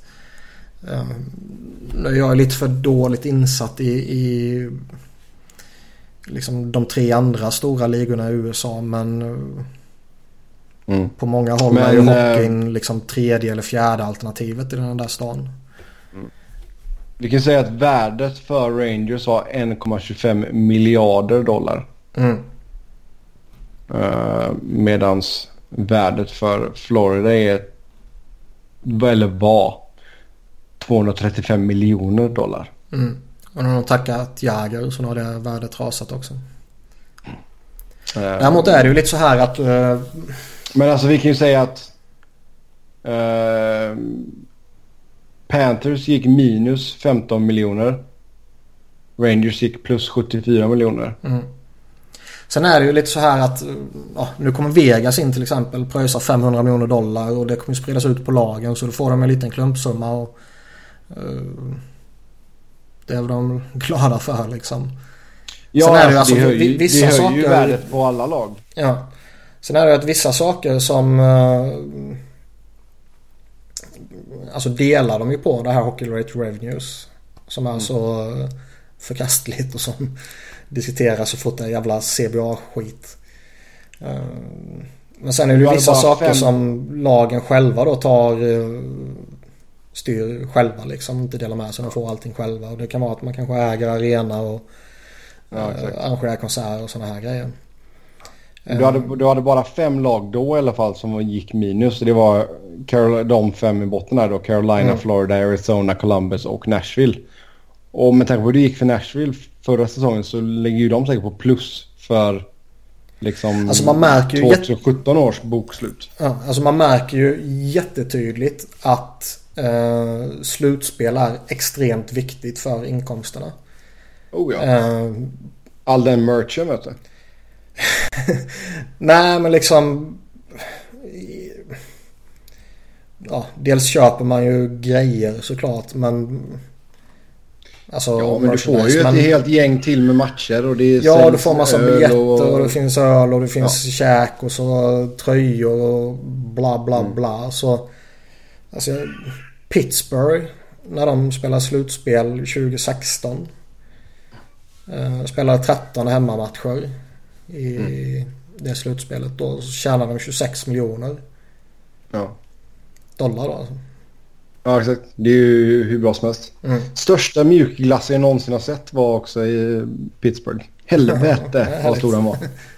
Nästa gång ska jag köpa en kids size alltså. Nej. Jo, det var för mycket mjukglass.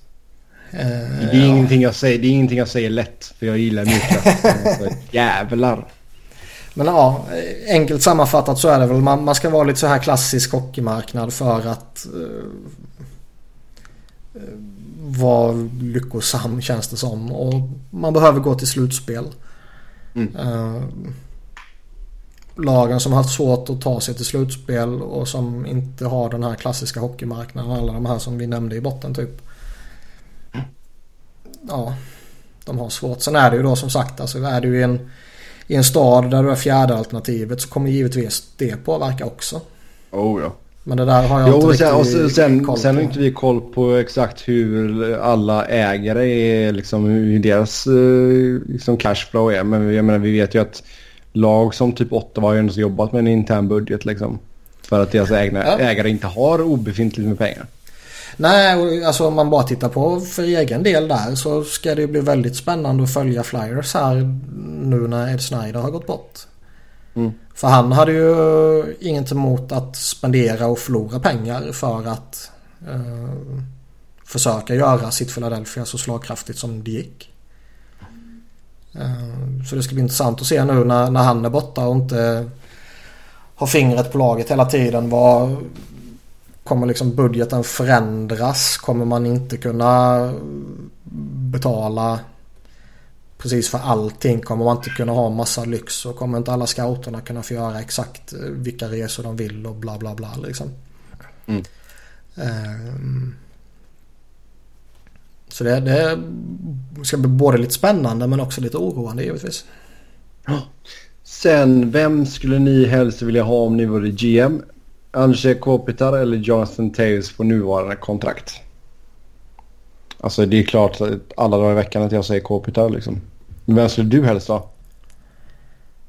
Uh, En bra jävla fråga alltså. Det är ju...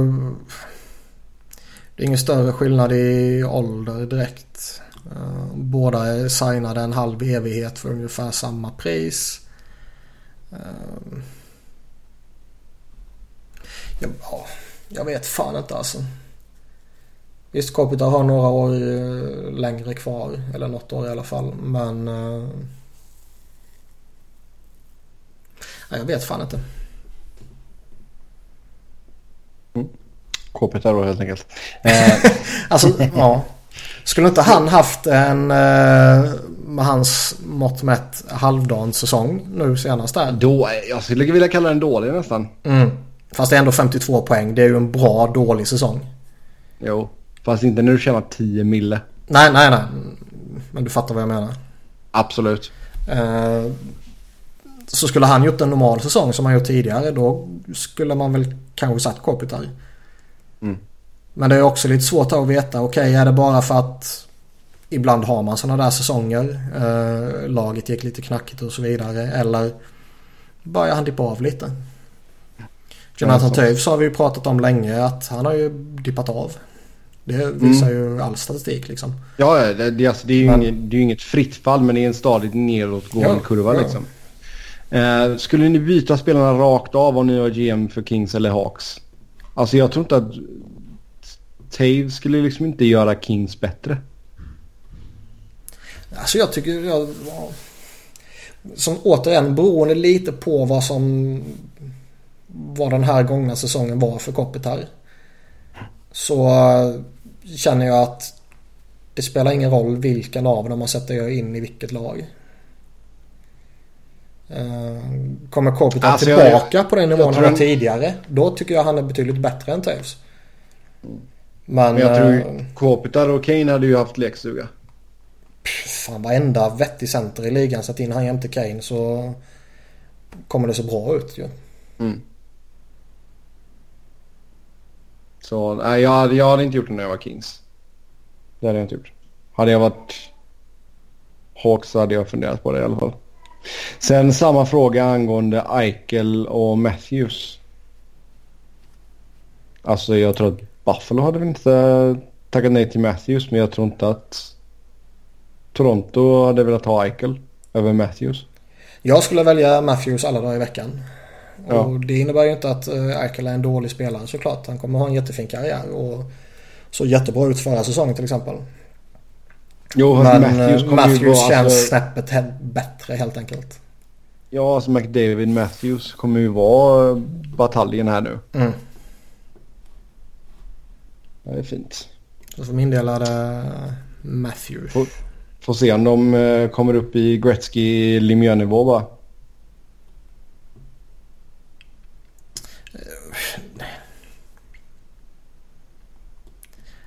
Jag har svårt att se att någon spelare inom en överskådlig framtid kommer ens komma i närheten av Wayne Gretzkys nivåer. Eh, alltså poängmässigt är det ju helt omöjligt. Statusmässigt så tror jag helt enkelt att ligan är för jämn. Det är för många bra lag för att man ska kunna bli en alltså Edmonton-dynasti. Som mm. de var under hans eh, prime där. Eller som Montreal har varit. Eller som Islanders var där på när de vann flera år i rad. Men... Mm, 80-talet va? Mm. Men... Nej, jag, jag, nej jag, jag, kan inte se att någon av dem verkligen kan komma i närheten av Gretzkys nivå ens. Mm. Uh, Toronto läcker ingen info, men vad skulle ni göra med situationen med Bosak och JVR? Signa nytt, trada eller ser ni dem som rentals? Eh, alltså vi pratade lite om det när eh, Patrick Malheur blev klar för dem att Toronto borde verkligen gå för det så länge de har den här supertrion billigt. Mm. Och med supertrion menar jag ju de eh, Matthews, Nylander och Marner såklart. Inte några andra. Nej. M&M-kedjan. Mm. Och Matthews har de två år till. Marner har de två år till. Nylander har de ett år till. Så de här två åren ska ju verkligen Toronto gå för det. Och det är ju därför jag kan tycka det var liksom vettigt uh, att ta in Patrick Malheur. Och... Uh, även fast han fick ett år för mycket på kontraktet? Ja, även att han fick ett år för mycket på kontraktet. Sen är det ju några som har... Uh, det dröjde, alltså, när, när, alltså, när, man såg hur kontraktet var konstruerat. Mm. Så är det ju stora eh, signing-bonusar, relativt liten lön. Så det var ju vissa som började spekulera lite i att han kanske då ska uh, tacka för sig eller bli bortbytt eller whatever när den här sista signing-bonusen har betalats ut innan den sista säsongen börjar. Ja. För då tjänar han bara 1,25 miljoner det året. Exakt. Och. Nu är det första säsongen så är det 7 miljoner i bonus. 1,5 i salary. Mm. Nästa säsong 4,5 miljoner i sign-on bonus. 1,5 i base salary och sen 3 miljoner i sign-on bonus. 1,25. Ja, så då var det vissa som började spekulera direkt att det, han kommer spela två år i Toronto. Sen kommer han uh, försvinna på något sätt. Mm. Och så det är det kanske... bra Alltså det är inte så bra jobbat ändå som 37-åring att gå in och få det kontraktet tycker jag. Ja, men han är ju respekterad. Han har presterat ja. på en hög nivå många, många år. Mm. Uh, men en JVR Bosak då? Alltså ska man se dem som rentals mer eller mindre då eller? Ja, det skulle jag göra. Mm. Uh, utan tvekan. Men som sagt, jag tycker det... Det är värt för dem att gå för det denna säsongen. Och om de där tre unga spelarna fortsätter utvecklas, vilket jag tycker att man nästan kan räkna och förvänta mig liksom att de gör. Mm. Så kan de nog genuint utmana isen, det tror jag. Uh, Fredrik Andersson är en klart kompetent målvakt. Försvaret är ju inte direkt bäst i ligan men de har några bra spelare där. Men kan man få en forwardscore som verkligen exploderar så nej, då kan det bära långt. Absolut. De har ju en del andra unga forwards också som är spännande. Nej men de har rätt många vettiga forwards faktiskt. Och mm. som sagt de här två åren så länge Matthews Marner är billiga ska de bara tokgå för det. Mm. Sen, eh, ja, vi har ju redan pratat om det med Zetterberg men kommer ligan att agera på hans uttalande tror vi? Nej. Och sen är Vanek en 50 poängs spelare som JR påstår. Jag har väl svårt att se det egentligen. Men... Uh, alltså, det är ju inte en omöjlighet. Alltså hamnar han i rätt uh, roll där och antingen på något sätt få lira med Sedinarna eller med Bo Horvath eller något sånt här. Och lite lyckosam i powerplay där han kan vara rätt duktig fortfarande så... Alltså han var det bara några år sedan han var på den nivån. Mm. Och det var inte jätte... eh, trots att han hade en rätt dålig säsong förra, eller framförallt dålig avslutning i, i Florida, så var han nästan där uppe också liksom. Ja, absolut. Eh, så visst, det är väl ingenting man iskallt ska räkna med, men definitivt en möjlighet. Jo, alltså som du säger, speciellt om... För även om man inte hamnar med Sedinerna i liksom vanliga kedjan så får han lira med dem i PP så då kan det trilla in några poäng, absolut. Mm. Sen sista frågan för idag. I en värld där det inte fanns en oskriven regel mot offer sheets. Kanske det skulle kunna bli sämre eller bättre. Vad tror ni? Alltså jag gillar ju när det händer grejer. Så den här oskrivna regeln om att man inte ska ge spelare offer sheets tycker jag är bajs. Ja, ja, givetvis tycker man om att, eller när det händer grejer. Men framförallt tycker jag ju att dumma saker ska bestraffas. Exakt. Och låta duktiga spelare nå UFA-status eller RFA-status. Eh, borde man bestraffas för. Eller borde kunna mm. bestraffas för rättare sagt. Uh, antingen att ja, som du, UFA eller uh, ett offersheet och grejer. Sen är det väl det här att ska man lägga alltså ska man fanns få, eller få en bra spelare på ett offersheet så måste du lägga så pass dyrt offersheet så att det kanske inte är värt att göra det. Mm. För du får jo, ge upp så många så... picks. Alltså du vet det här högsta. Du får ge upp fyra raka first rounders. Ja, ja visst. Jo men det är ju, det liksom... bara för en superstjärna liksom. Men alltså Ja, det, alltså då är det ju Conor det... McDavid du ska offersheeta liksom. Ja, men vi har inte sett situationer där du har kunnat komma undan ganska billigt och få en bra spelare. Ja, men, och det men, finns men ju... inte hänt någonting. Nej, och det finns ju situationer där man kan utnyttja att laget är i cap hell liksom. Mm. Eh, så visst, det är ju inte bara de här fyra first rounders som man kan få en spelare för så att säga. Men man kommer ju till en nivå där det inte riktigt är värt det. Att tappa fyra raka first rounders det är ett riktigt hårt slag mot liksom din förmåga att slussa in nya spelare. För oavsett vilket lag du har så måste du nästan alltid slussa in nya spelare. Mm. Och plocka bort den möjligheten. Och vi vet ju att eh, ju senare man kommer desto större sannolikhet att det inte blir något av draftvalen. Eh, så man behöver verkligen sina första val. Och plocka bort fyra i rad. Det, äh, det måste är ju Rangers-klass. Ja, då måste det vara något absolut uh, överjävligt speciellt.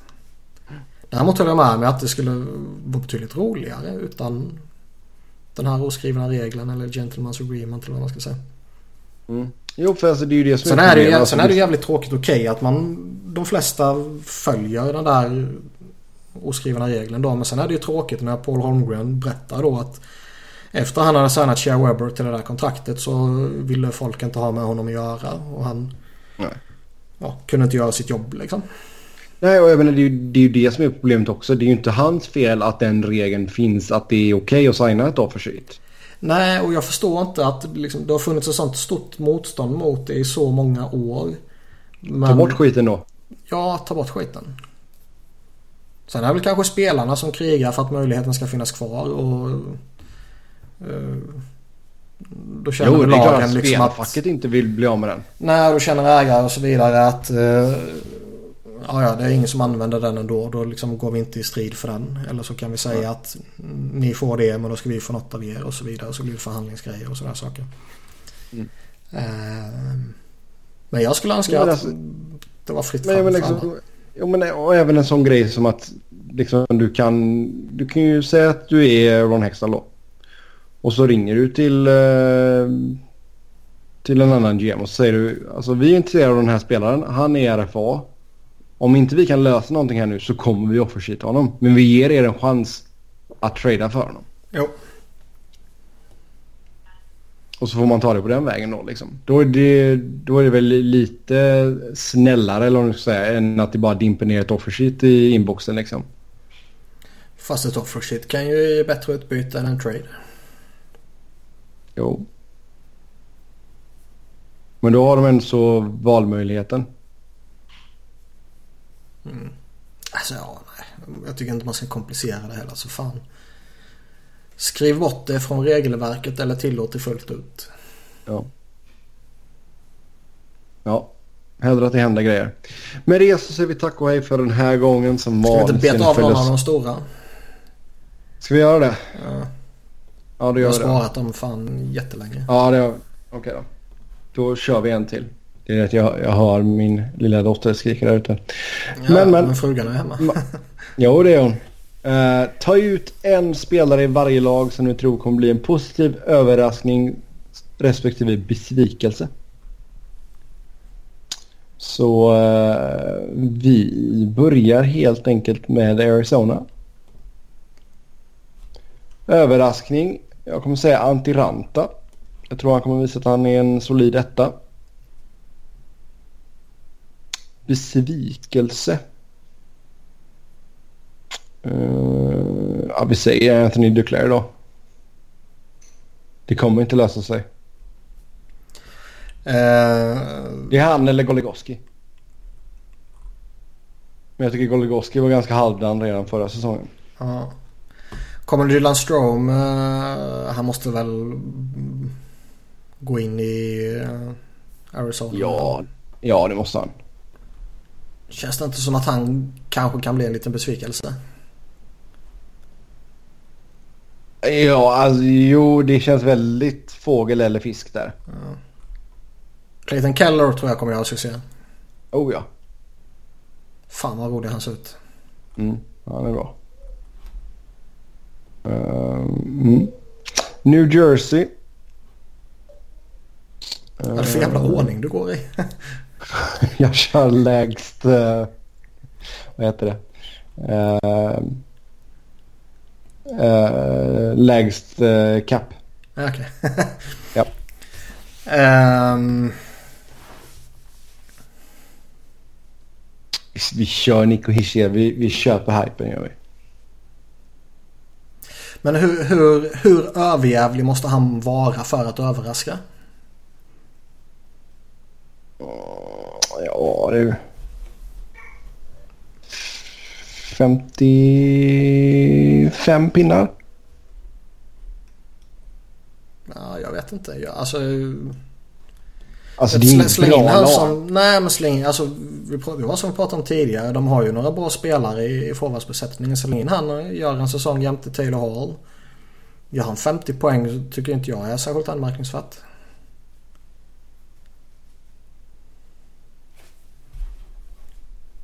Det ska väl inte vara anmärkningsvärt om en 18-åring går in och gör 50 pinnar. Nej, inte jämte en av ligans bästa wingers.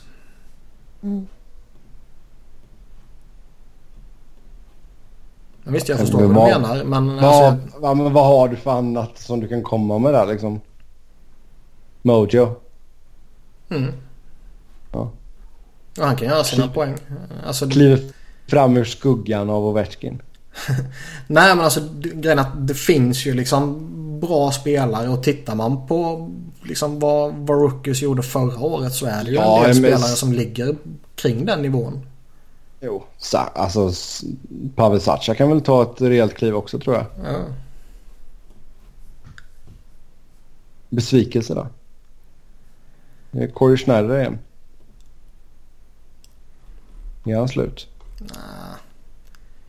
Det känns som att eh, Palmieri. Mm. Mm. Ja, vi kan köra på den. Carolina har vi sen. ehm, alla blir besvikelsen. Oj. Ja, jag vet inte riktigt. ehm, Grejen är att jag är så jävla kluven till Scott Darling. Egentligen Mm. tycker jag det är... Eh, det är inte riktigt rättvist på ett sätt att liksom tvivla på honom innan han har fått visa någonting. Nej. Men å andra sidan så är jag tveksam till om han är den där målvakten. Ja. Alltså man, ja. Alltså men det är en del av mig hoppas ju att han gör det bra. För han har ändå gjort en jävla resa liksom. Men det skiter jag i. Jo, det vet jag att du gör. Men för oss som gillar en bra story liksom. Då är Scott Darling en bra story. Eh, det blir intressant att se hur det blir Jakob Slavin. Sista året innan det stora kontraktet kickar in här. Williams kanske kan bli lite, lite besvikelse också. Ja, men han är gammal. Ja, men Alltså, han hade vad- ändå en jävligt respekterad... Fan, han är hyllad över hela ligan ju. Jo. Mr Game 7 och vad fan det är. Jag tror det finns rätt stora förväntningar på honom. Jag tror han kan eh, mycket väl ta ett litet steg tillbaka. Sen får jag väl... Jag tror på Terravainen. Du tror på Terravainen? Ja. Okej. Har jag en gång börjat gilla en spelare så får jag fan hålla kvar vid honom. Ja. Colorado. Ehm. jag tror fan att Rantanen kan explodera. Mm. Han såg bra ut där och, och funkade bra med McKinnon. Eh, Jag är väl inte det minsta såld på att Sven Andrietto håller jämte de två en hel säsong till liksom. Nej. Men de två tillsammans kan bli så jävla roligt att se. Och eh, Rantanen kan ta eh, ett stort kliv redan denna säsongen tror jag. Mm, nej, det håller jag med om. Det kommer bli en klassspelare. Um, besvikelse här då? En del av mig hoppas Landeskog. Bara för att han är svensk. Jag vet inte varför du hatar så mycket på svenskarna. Jo, Jag förstår vet inte. varför. Ja, ehm, jag vet inte. Alltså Robin pratar ju alltid gott om Varlamov. Fast han är bra. Han har haft skadeproblem bara. Ja. Jag, att, jag tror alltså... Är han skadefri och i gott slag så tror jag han kommer göra en bra säsong. Eh, gör han en dålig säsong så känns det som att antingen kommer kroppen säga ifrån igen eller så är det för att Colorado bara är jävla skitdåliga liksom. Jakobov vill jag säga också. Det kan bli tokflopp. Även fast han är snorbillig. Fast har man de förväntningar på honom längre? Jag ser ju bara... Nej, det har man inte riktigt. Potentiell uppsida. Ja. Ja. Ja. Ja, det här är svårt att säga där faktiskt. Ehm, Florida. Evgenij Dadonov. Som... Som positiv överraskning. Ja.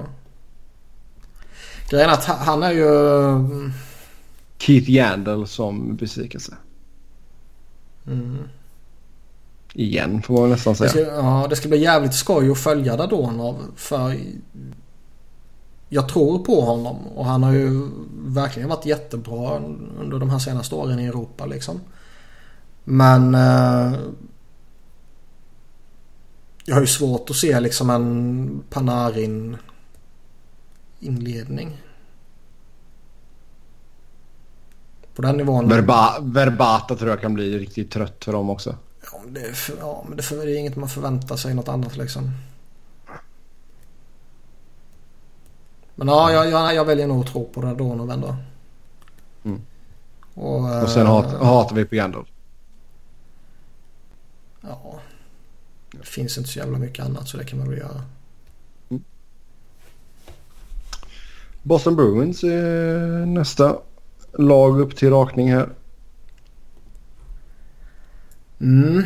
Eh, Zdeno Chara kramar ut det allra, allra, allra sista han har i sk- skridskorna här nu. jag tror Charlie McAvoy kommer vara skitbra. McAvoy ja. Han kommer, ja, ja absolut. Jag tror han kommer uh, sätta riktiga avtryck. Jag var inte seriös med Chara kan jag tillägga också. Mm. Um, för alla som har lyssnat på podden ett tag vet att jag tycker att han är ganska dålig uh, nu för tiden. Ja, allt är ju relativt. Ja. Nej, alltså McAvoy absolut. Uh, Sen säger jag David Backes. Ja. Som besvikelse. Det, ja, det är ingen bra kontrakt det är det. Nej, lite gammal och sådär. Sen uh, lite steg tillbaka förra året och så kanske han ska ut på lira winge och lite sådana här grejer. Det... Mm. Nej. Nej. Inget var inget bra. San Jose Sharks har vi sen. San Jose. Burns, håller han upp detta eller? Eller blir han en besvikelse ifall inte han eh, smaskar in eh, 76 poäng igen? Det beror på vad du menar med inte 76. Menar du 60 eller 35? ja, jag kanske, ja, men säg att han kanske stannar på 60. Fast det är ju inte en dålig notering för en, en back liksom. Som fortfarande står listad som right-winger också. Mm. Um, nej, men jag tror han kommer göra det bra. Han kommer göra det bra i några år till. Sen kanske det blir en liten dipp. Men jag, jag, tror han kommer hålla en bra nivå i, i rätt många år här. Uh,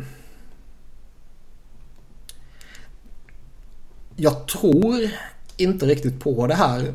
Men det kan finnas en liten risk att Joe Thornton faktiskt eh, bara har gått och blivit gammal helt enkelt. Mm. Eh, det är ändå ett rätt anmärkningsvärt fall från att gå från 82 poäng till 50 poäng. Ja, jo, herregud. Um, och så har vi den här knäskadan som han kommer med nu. Och, jag tror det kan finnas en liten risk för att han kan bli en besvikelse denna säsongen. Mm. Vilket vore tråkigt. Mm. Annars är det enkla valet är ju Micke Böttger. Ja, eller så gör han en dundersuccé. Mm. För att jag har svårt ja. att se någon i, i Sharks sådär liksom som dundersuccé. Mm. Alltså de som Nej, finns där är, är de ju ligger antingen... på din, den nivån. Ja. Ja, ja det är helt sant. Vi går vidare till Montreal helt enkelt. Där är det ju Arturi Lehtonen som får sitt rejäla genombrott här nu. Oj, oj, vad bra han kommer vara. Vad är det för någon? Vad han spelat innan?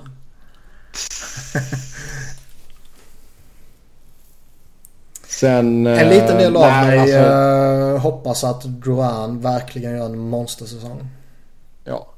Jo, men alltså Duran är ju det favoritvalet här såklart. Uh, men jag tror Lehtonen kommer göra det skitbra. Men Duran, självklart, självklart. Jag tror han kommer vara skitbra för dem. Däremot så på den andra sidan av myntet besvikelse. Jag är ju tveksamt inställd till Karl Alts nu. Men å andra sidan så... Uh, svår, liksom vilka förväntningar har man på honom? Och hur usel måste man vara i så fall för att han ska vara en besvikelse? Ja. Det är svårt ändå. Jag mm. funderar på en sån som Galchenyak som, det har, som jag personligen gillar att hålla högt. Men det har surrats jävligt mycket kring honom. Det kanske är lite eh, osäkerhet kring honom ändå trots att han signade och sådana där saker. Kanske går lite tungt. Ja, ja det, alltså, det känns ju inte som att han har riktigt det förtroendet från uh, ledningen. Nej. Så det, det kan jag absolut köpa. Edmonton då? Besvikelse? Alltså, det, du, alltså blir det Dreisaitl så är det dyrt.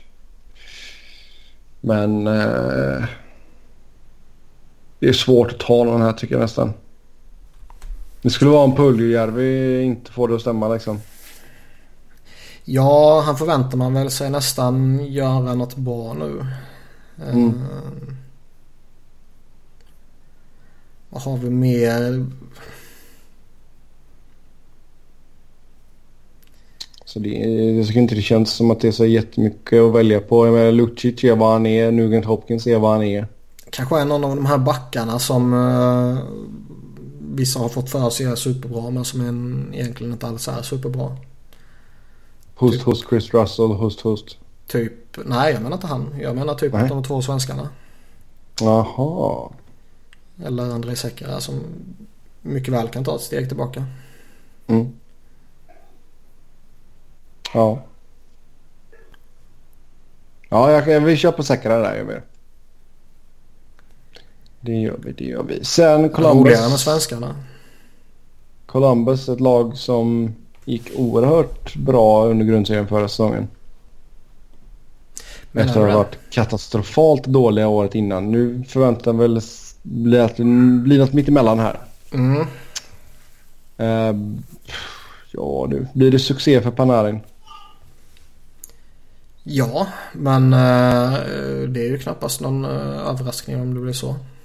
Mm. Boone Jenner går in och smaskar in 30 baljer. Ja, men det har han ju typ redan gjort. Ja, han har gjort det en gång. Ja. 31 baljer då. Mm. Jag gillar fan Sonny Milano. Mm. Jag hoppas att, han, att det går bra för honom. Det vore skoj om han kunde breaka nu. Han är, ja. uh, han är en rolig jävla spelartyp alltså. Mm. Den håller jag helt med dig. Helt, helt med. Jag hoppas han får ta en, en schysst roll och att han kan explodera. Mm. Besvikelse? Zach Wierenski kommer ha en sophomore slump.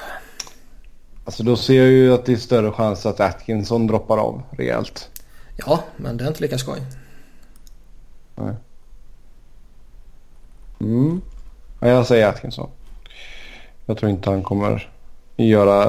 Ja, jag tror inte han kommer... Vad gjorde han förra säsongen? 35 baljer. Mm. Mm. Nej, det händer inte igen. Winnipeg eh, har vi sen.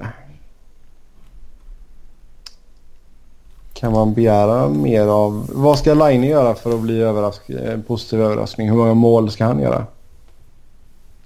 Uh, han ska gå goal per game. ja. Uh. Nej, men han får ju upp och nosa på typ 40-45 någonting va?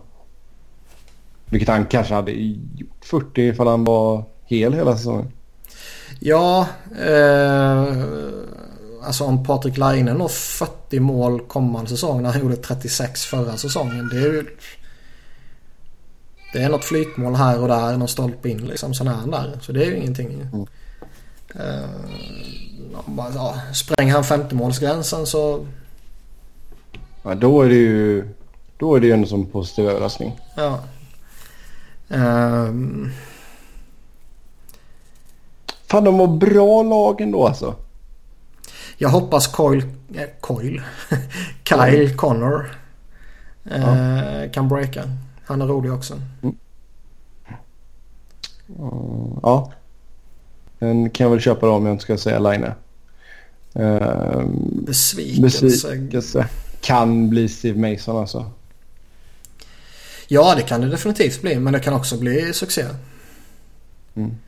Uh, han är svårutvärderad. Han gjorde flera jättebra säsonger i Philadelphia fram till det sista året här där det var lite... Uh, fick en lustig roll och inget förtroende och var liksom kaos framför honom i hela det här köret. Så var det bara en uh, plump i protokollet och en sån där säsong som händer eller var det början på fallet liksom. Mm. Men...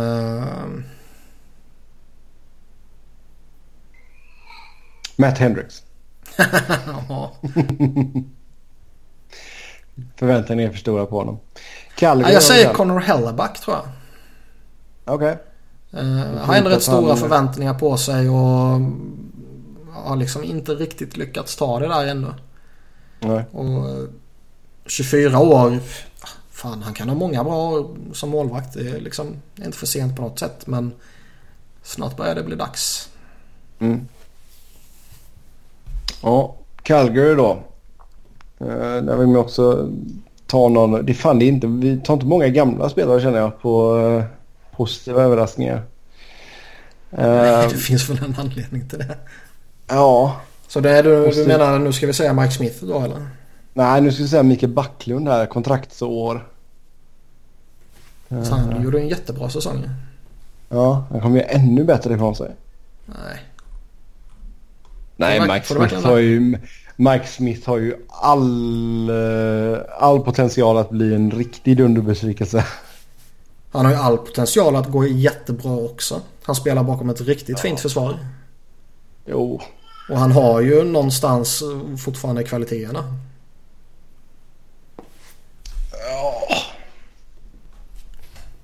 ja, har han det verkligen? Ja, jag säger att han blir överraskningen. Okej, då säger jag Matthew Kachuk. Ja, det var ju ett jävligt fegt val. Ja, det var det. Eh, besvikelse säger jag faktiskt. Jag är Mike Smith. Det, jag tror inte det blir något bra. Så så är det med det. Travis Amonic känner jag säga. Ja, okej, ja. Mm. Buffalo. Buffalo. Eh,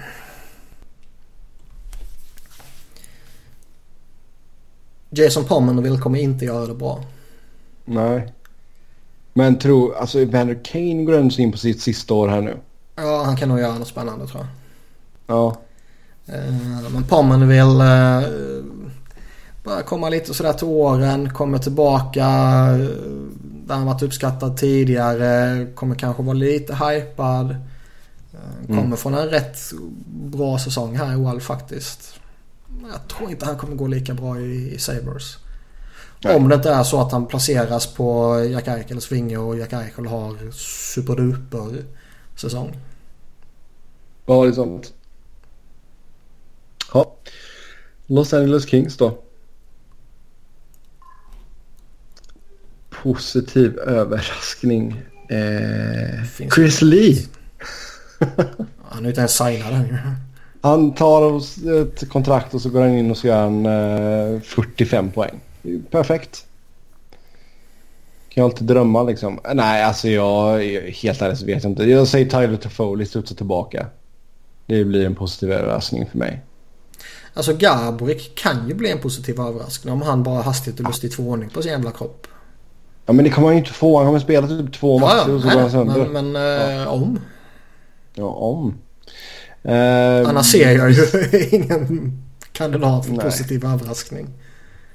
Lee absolut Ja. men eh, eftersom Ja. han inte är signad än så säger jag inte honom.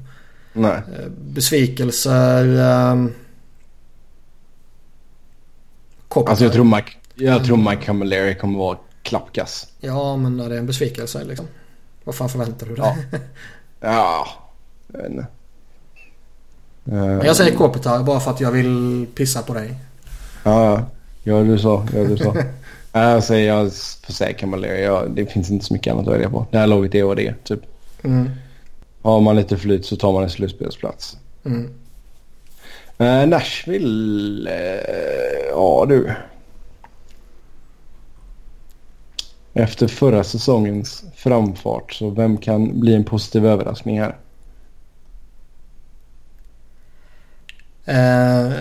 Jag tycker det är dags för Jussi Saros att ta över. Mm. Mm, det har varit kul. Det har varit en kul positiv överraskning. Men Annars känns det liksom som- Säga, De har ju liksom inga backar som kommer bli några positiva överraskningar. De fyra som är bra är så jävla superbra så de kan ju inte bli några överraskningar om de inte går in och gör 110 poäng liksom. Ehm. Och visst, Kevin Fiala kanske breakar men det skulle inte överraska mig. Nej, det är väl mer att man väntar på att det ska komma liksom. Ja. Men samtidigt så är det svårt att säga någonting annat här. I och med att det var som än så många spelare som klev fram förra säsongen. Ja. Ehm. Mm. Besvikelse då. Om Saros blir den positiva, blir Pekarinne den ja. de facto besvikelsen? Ja. då?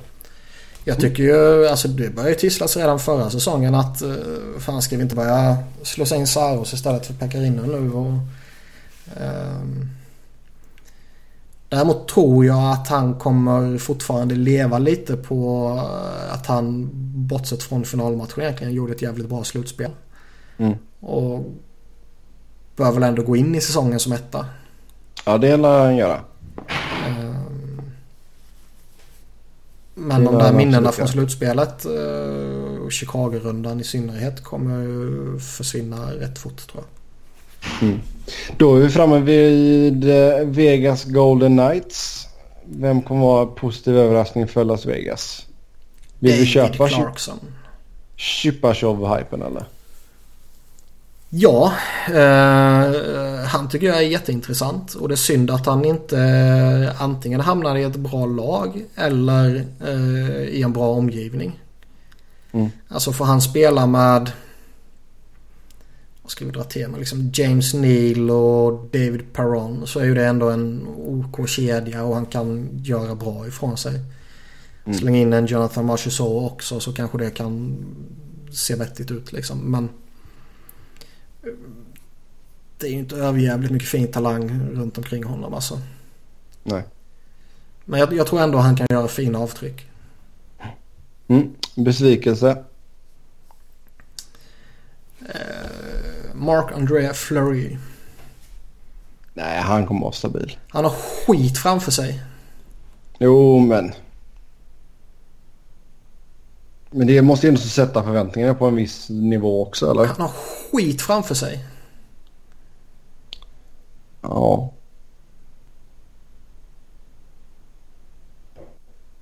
Alltså det här mm, försvaret är så jävla uselt. Ja, det är inte bra. Det är och, många spelare men inga som är... Alltså, vi, alltså jag håller ju med det du säger. Att tittar man på försvaret så måste man sätta sina förväntningar ut efter det. Men uh, han har ju blivit så hypad. Han har ju liksom promotat som superstjärnan och uh, the face of the franchise och hela den här grejen. Så förväntningarna kommer ju och ska väl egentligen på ett sätt vara väldigt stora på honom. Mm. Uh, för i grunden är det en bra målvakt men jag tror han kommer ha så svårt att göra en bra säsong bakom det försvaret alltså. Jag och sen säger... har de en forwardsbesättning med typ fem bra spelare. Fem gånger fem miljoner Riley Smith säger jag det kommer vara besvikelse. Ja. I många år. Vancouver Canucks. Positiv överraskning här. Uh... ja du. Jag... Eh... Sam Gagner. Jag tänkte säga Jakob Markström faktiskt. Ja. Kliver in och visar att han är en eh, ordentlig etta. Ja. Han hade jag som besvikelse. Sådär ja. Eh, nej men Sam Gagner visade ändå både i slutet i Philadelphia och i Blue Jackets nu att eh, talangen är inte borta liksom. Satt in nej. honom i en schysst roll. Eh, låt honom göra det han är bra på. Så kan det mycket väl funka. Mm. Besvikelse Alexander Edler. Han blir ingen besvikelse längre.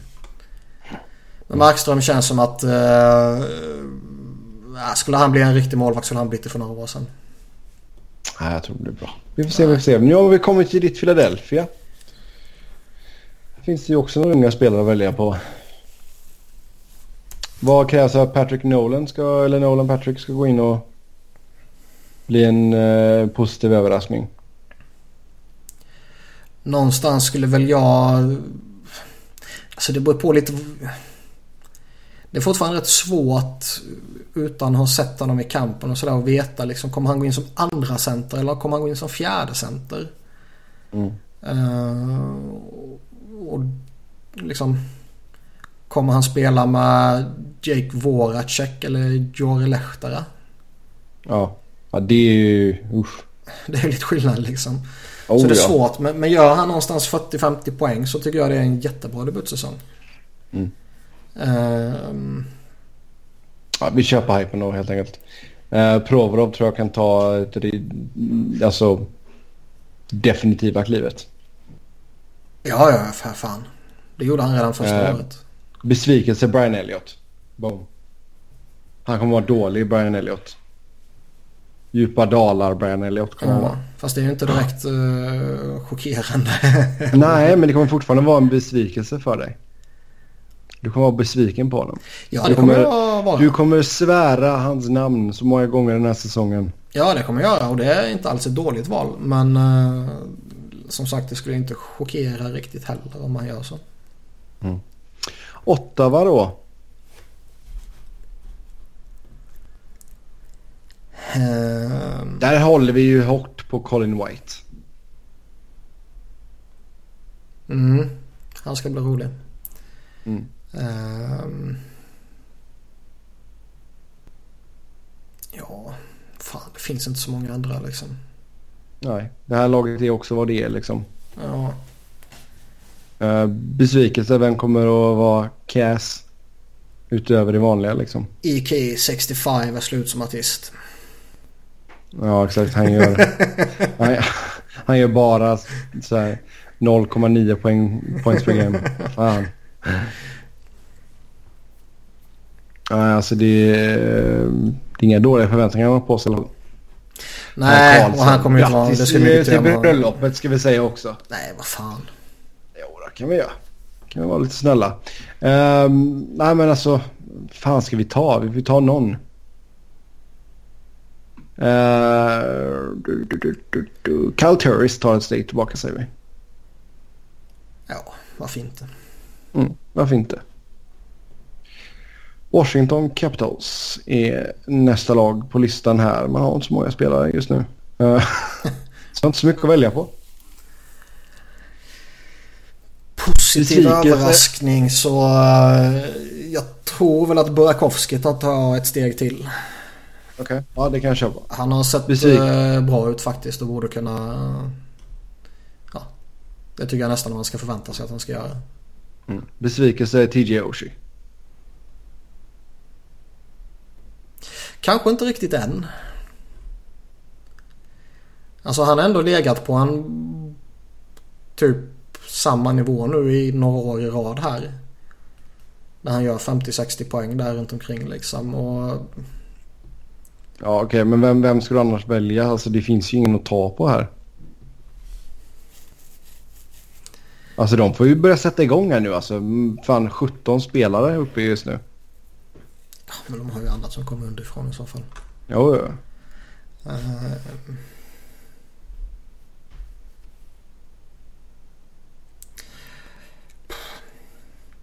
Den av eh, Bäckström och Kuznetsov som inte centrar första kedjan.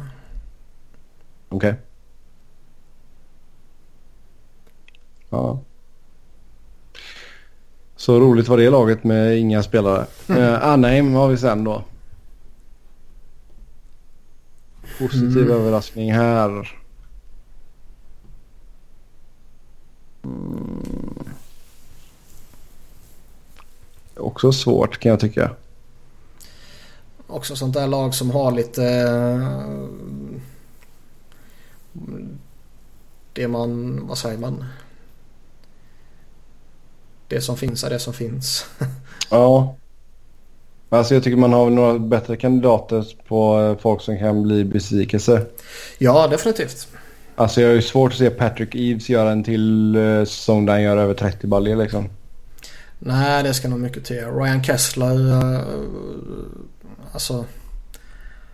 Hans säsong framstår ju som lite dopad med tanke på den extrema formtoppen som han var där i en period. Mm. Och... Nej, jag hoppas han tar ett litet steg tillbaka. Corey Perry lär väl studsa tillbaka tror jag. Men det, det känns ju mer som att det är en... Det är mer naturligt. Är ingen, ja exakt. Det är ingen direkt överraskning så sett. Nick Eh. Ritchie kanske kliver fram. Mm. Ja, varför inte. Pittsburgh har vi sen då. Regerande Stanley Cup-mästarna. Mm, usch. Mm. Positiv överraskning. Chris Letang spelar en hel säsong. Åh, nu var du stygg. Ehm, Alltså, jag, det, är ju, alltså det är ju nästan synd om honom. Det är ju en sjukt bra spelare när han är hel liksom. ja, han har haft mycket skit i sitt liv alltså. Fy fan. Ja. Han kan jag faktiskt erkänna att jag tycker synd om.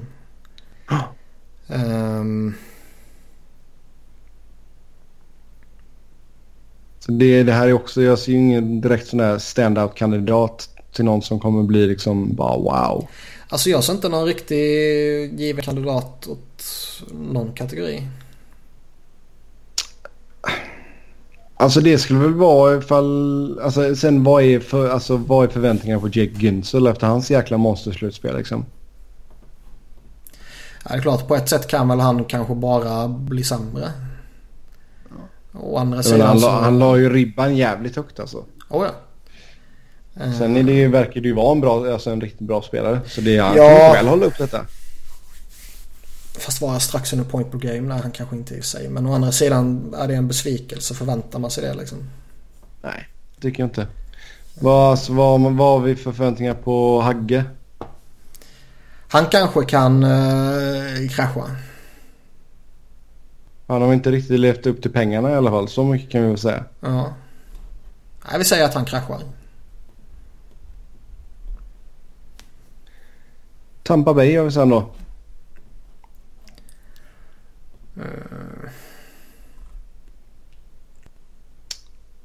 Vasilevski går in och eh, tokspelar.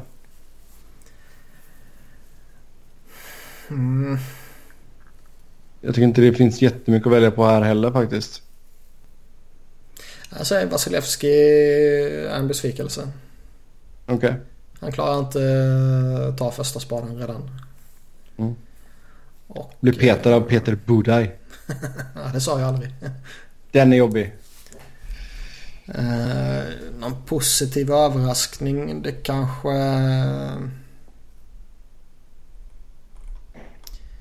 Braden Point gillar jag. Han kanske kan ta ytterligare ett steg. Han gjorde en bra säsong senast. Mm. Spets till det lite till så. En av få unga spelare i laget. Ja. Ja. Då kör vi på honom helt enkelt. New York Rangers har vi kommit fram till sen. Mm. Känns ju som att det kommer bli dundersuccé eller katastrof för Shattenkirk. Jag tror inte det blir katastrof. Nej, Så länge han inte får spela med stål så. Ja. Men... eh, Fan vilken käftsmäll ändå. De har uppvaktat dig som fan. Bara, ja, men kom till Rangers, kom nu, kom nu. Och så bara, här du får spela med Mark Ståhl. Ja, slipper Gerard i alla fall. Ja. Men... eh, jag tror han kommer göra det bra liksom. Eh, positiv överraskning. eh, Busjnevic. D'Angelo kanske får fason på eh, grejerna. Ja, vet fan. Lias Andersson går in och tar en plats direkt. Nej, han är helt ointressant. Eh, Nej, jag vet fan. Zibanejad fortsätter på det spåret som han eh, klev in på innan han blev skadad. Ja. Rick Nash får det riktigt jobbigt säger jag. Där är jag villig att hålla med dig. Han har haft två säsonger här. Det har varit lite skador och lite skit och sådär. Och nu kommer det kännas av också. Ja, det, det kör vi på. Absolut. Positiv New York överraskning är väl eh, svårt känns det som. Också lite sådär att de, de som är bra de är bra och de som inte är bra kommer inte bli bra. Ja, men jag tror det, D'Angelo har ändå så potential. Så får han fason på grejerna så kan han bli en positiv överraskning. Eh, New York Islanders. Eh, ja du. Eberle Eh. borde kunna göra det bra om han får lira en säsong jämte John Tavares. Ja, alltså jag vill ju gärna se att eh, Joshua Hosang eh, kliver in och gör det bra. Var ju så, gjorde han? Fyra mål och sex assist på 21 matcher förra säsongen. Mm. Gjorde det bra i Bridgeport Sound Tigers också. Så Ja, men jag säger Joshua Eberle. Hosang. Han, han är bättre än ryktet han har fått av Edmonton och eh, släng in han jämte Tavares så kan det bli riktigt bra. Besvikelse då? Eh, Thomas Greisch. Dennis Seidenberg. För fan. Varför signar man ens honom? Du har ju inga förväntningar på honom. Uh, han, ska, han ska inte ens vara i ligan längre. Jo, det kan han vara tycker jag. Nej, usch, usch, usch. Alldeles mycket gratispoäng i VM också fick han. uh, så jag säger honom. Graish, nej, Graish är bra. Graish är bra på riktigt. Så där har jag inte med dig. St. Louis har vi sen. Uh, ja. Ja du. Uh... Jake Allen tror jag blir besvikelse i alla fall. Han är ingen etta. Mm. Men också en sån här spelare som är svår att värdera idag. Vilken status han har och vad man tycker om honom. Mm. Um. Jag... Uh...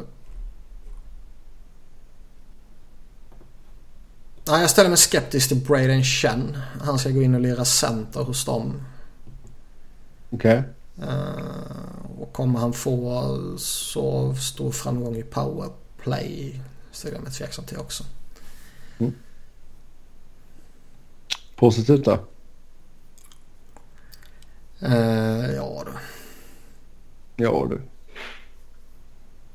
Ja, jag tycker... Ja, svårt också tycker jag liksom.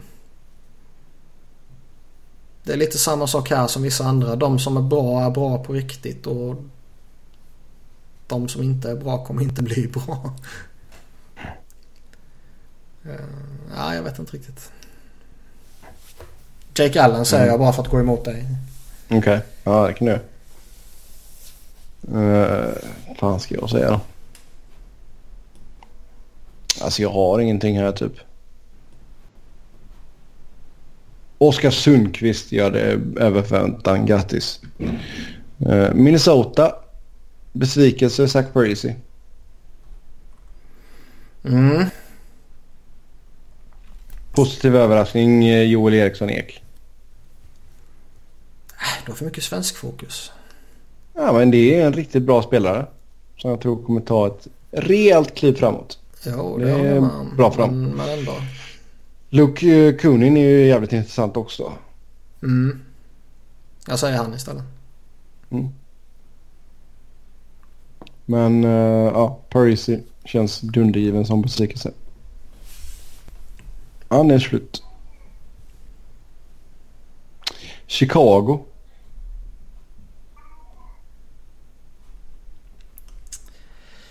Jag tror väl att en sån som uh, Nick Schmaltz tror jag kan uh, breaka lite. Mm. Han är intressant. Ja.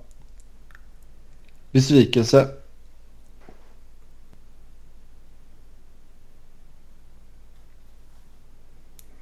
Uh, ja, fan. Inte jättemycket att välja på här heller. Det här är säsongen där uh, Jonathan Toews kommer uh, Folk kommer fatta att han inte är så jävla bra som folk tror han är. Okej. Okay. Jag säger Conor Murphy. Han är inte tillräckligt bra. Han är inte tillräckligt bra för att vara... Inte tillräckligt bra för att vara trea där. Rejält nedköp från Hjalmarsson. Oh, ja. eh, Dallas har vi sen. Um... Alltså jag vill ju säga Julius Honka. Jag vill se honom i NHL. Mm. Um... Men det känns ju inte som att han kommer få chansen i år heller. Jag ser väl två alternativ som besvikelser. Och det är två nyförvärv i Martin Hansal och Ben Bishop. Um, Hansal har det börjat tuggas lite nu om att det typ är Hitchcocks nya favoritspelare. De ska slänga ut Jason Spetsa på en kant för att... Ja, just det. Och så här liksom. Och mm. Jag vet inte om Martin Hansal är den spelaren. Nej, det är han inte. Det känns eh, sådär. Och liksom lägga... lägger man upp någonstans en uh, situation där han ska ja, breda väg för honom så att säga så känns det som att det kan misslyckas. Mm. Ben Bishop, uh, vi har pratat om honom tidigare och liksom, han är lite sådär svårdefinierad för Å ena sidan så, så tror jag väl att ja, men det är en uppgradering från vad de har haft tidigare. Å andra sidan så har han haft likvärdig statistik med typ Kari Lehtonen liksom. Mm. Uh, jo, det är sant. Ganska saftigt och långt, eller inte saftigt men långt kontrakt i alla fall. Mm. Så ja. ja, det kan nog, eh, finns en risk att det blir en besvikelse, absolut. Sen tror jag om de lirar Jamie Benn Tyler Zegwin och Alexander Radulov så tror jag Radulov oj, kan göra en riktig jävla säsong. Alltså det kan ju bli ligans bästa kedja. Oh, ja. Lätt. Ja. ja. Uh, Detroit tar vi sen. Positiv överraskning är att uh, man signar uh, Athanasiasu. ja. Alltså man måste ju säga någon av de unga. Han eller Mantha, Dylan Larkin tar ett steg till eller mm. något sånt där. Ja, någon kliver fram och verkligen blir deras nya. Ja, typ. Ja, absolut. Det, det håller jag med om. Besvikelse. Alltså Zäta har ju redan lagt av i huvudet nu. Uh... Jag tror han kommer att hålla en eh, OK-nivå. ja, det kommer han göra. Uh... Abdelkader kommer att vara skit. Ja, men det är en besvikelse. Nej, det sa jag inte. Jag bara sa att han kommer att vara skit. Ja, okej. Okay. Ja. Nej, men det är alltså... Alltså jag tror De Kaiser kan ändå bli en besvikelse.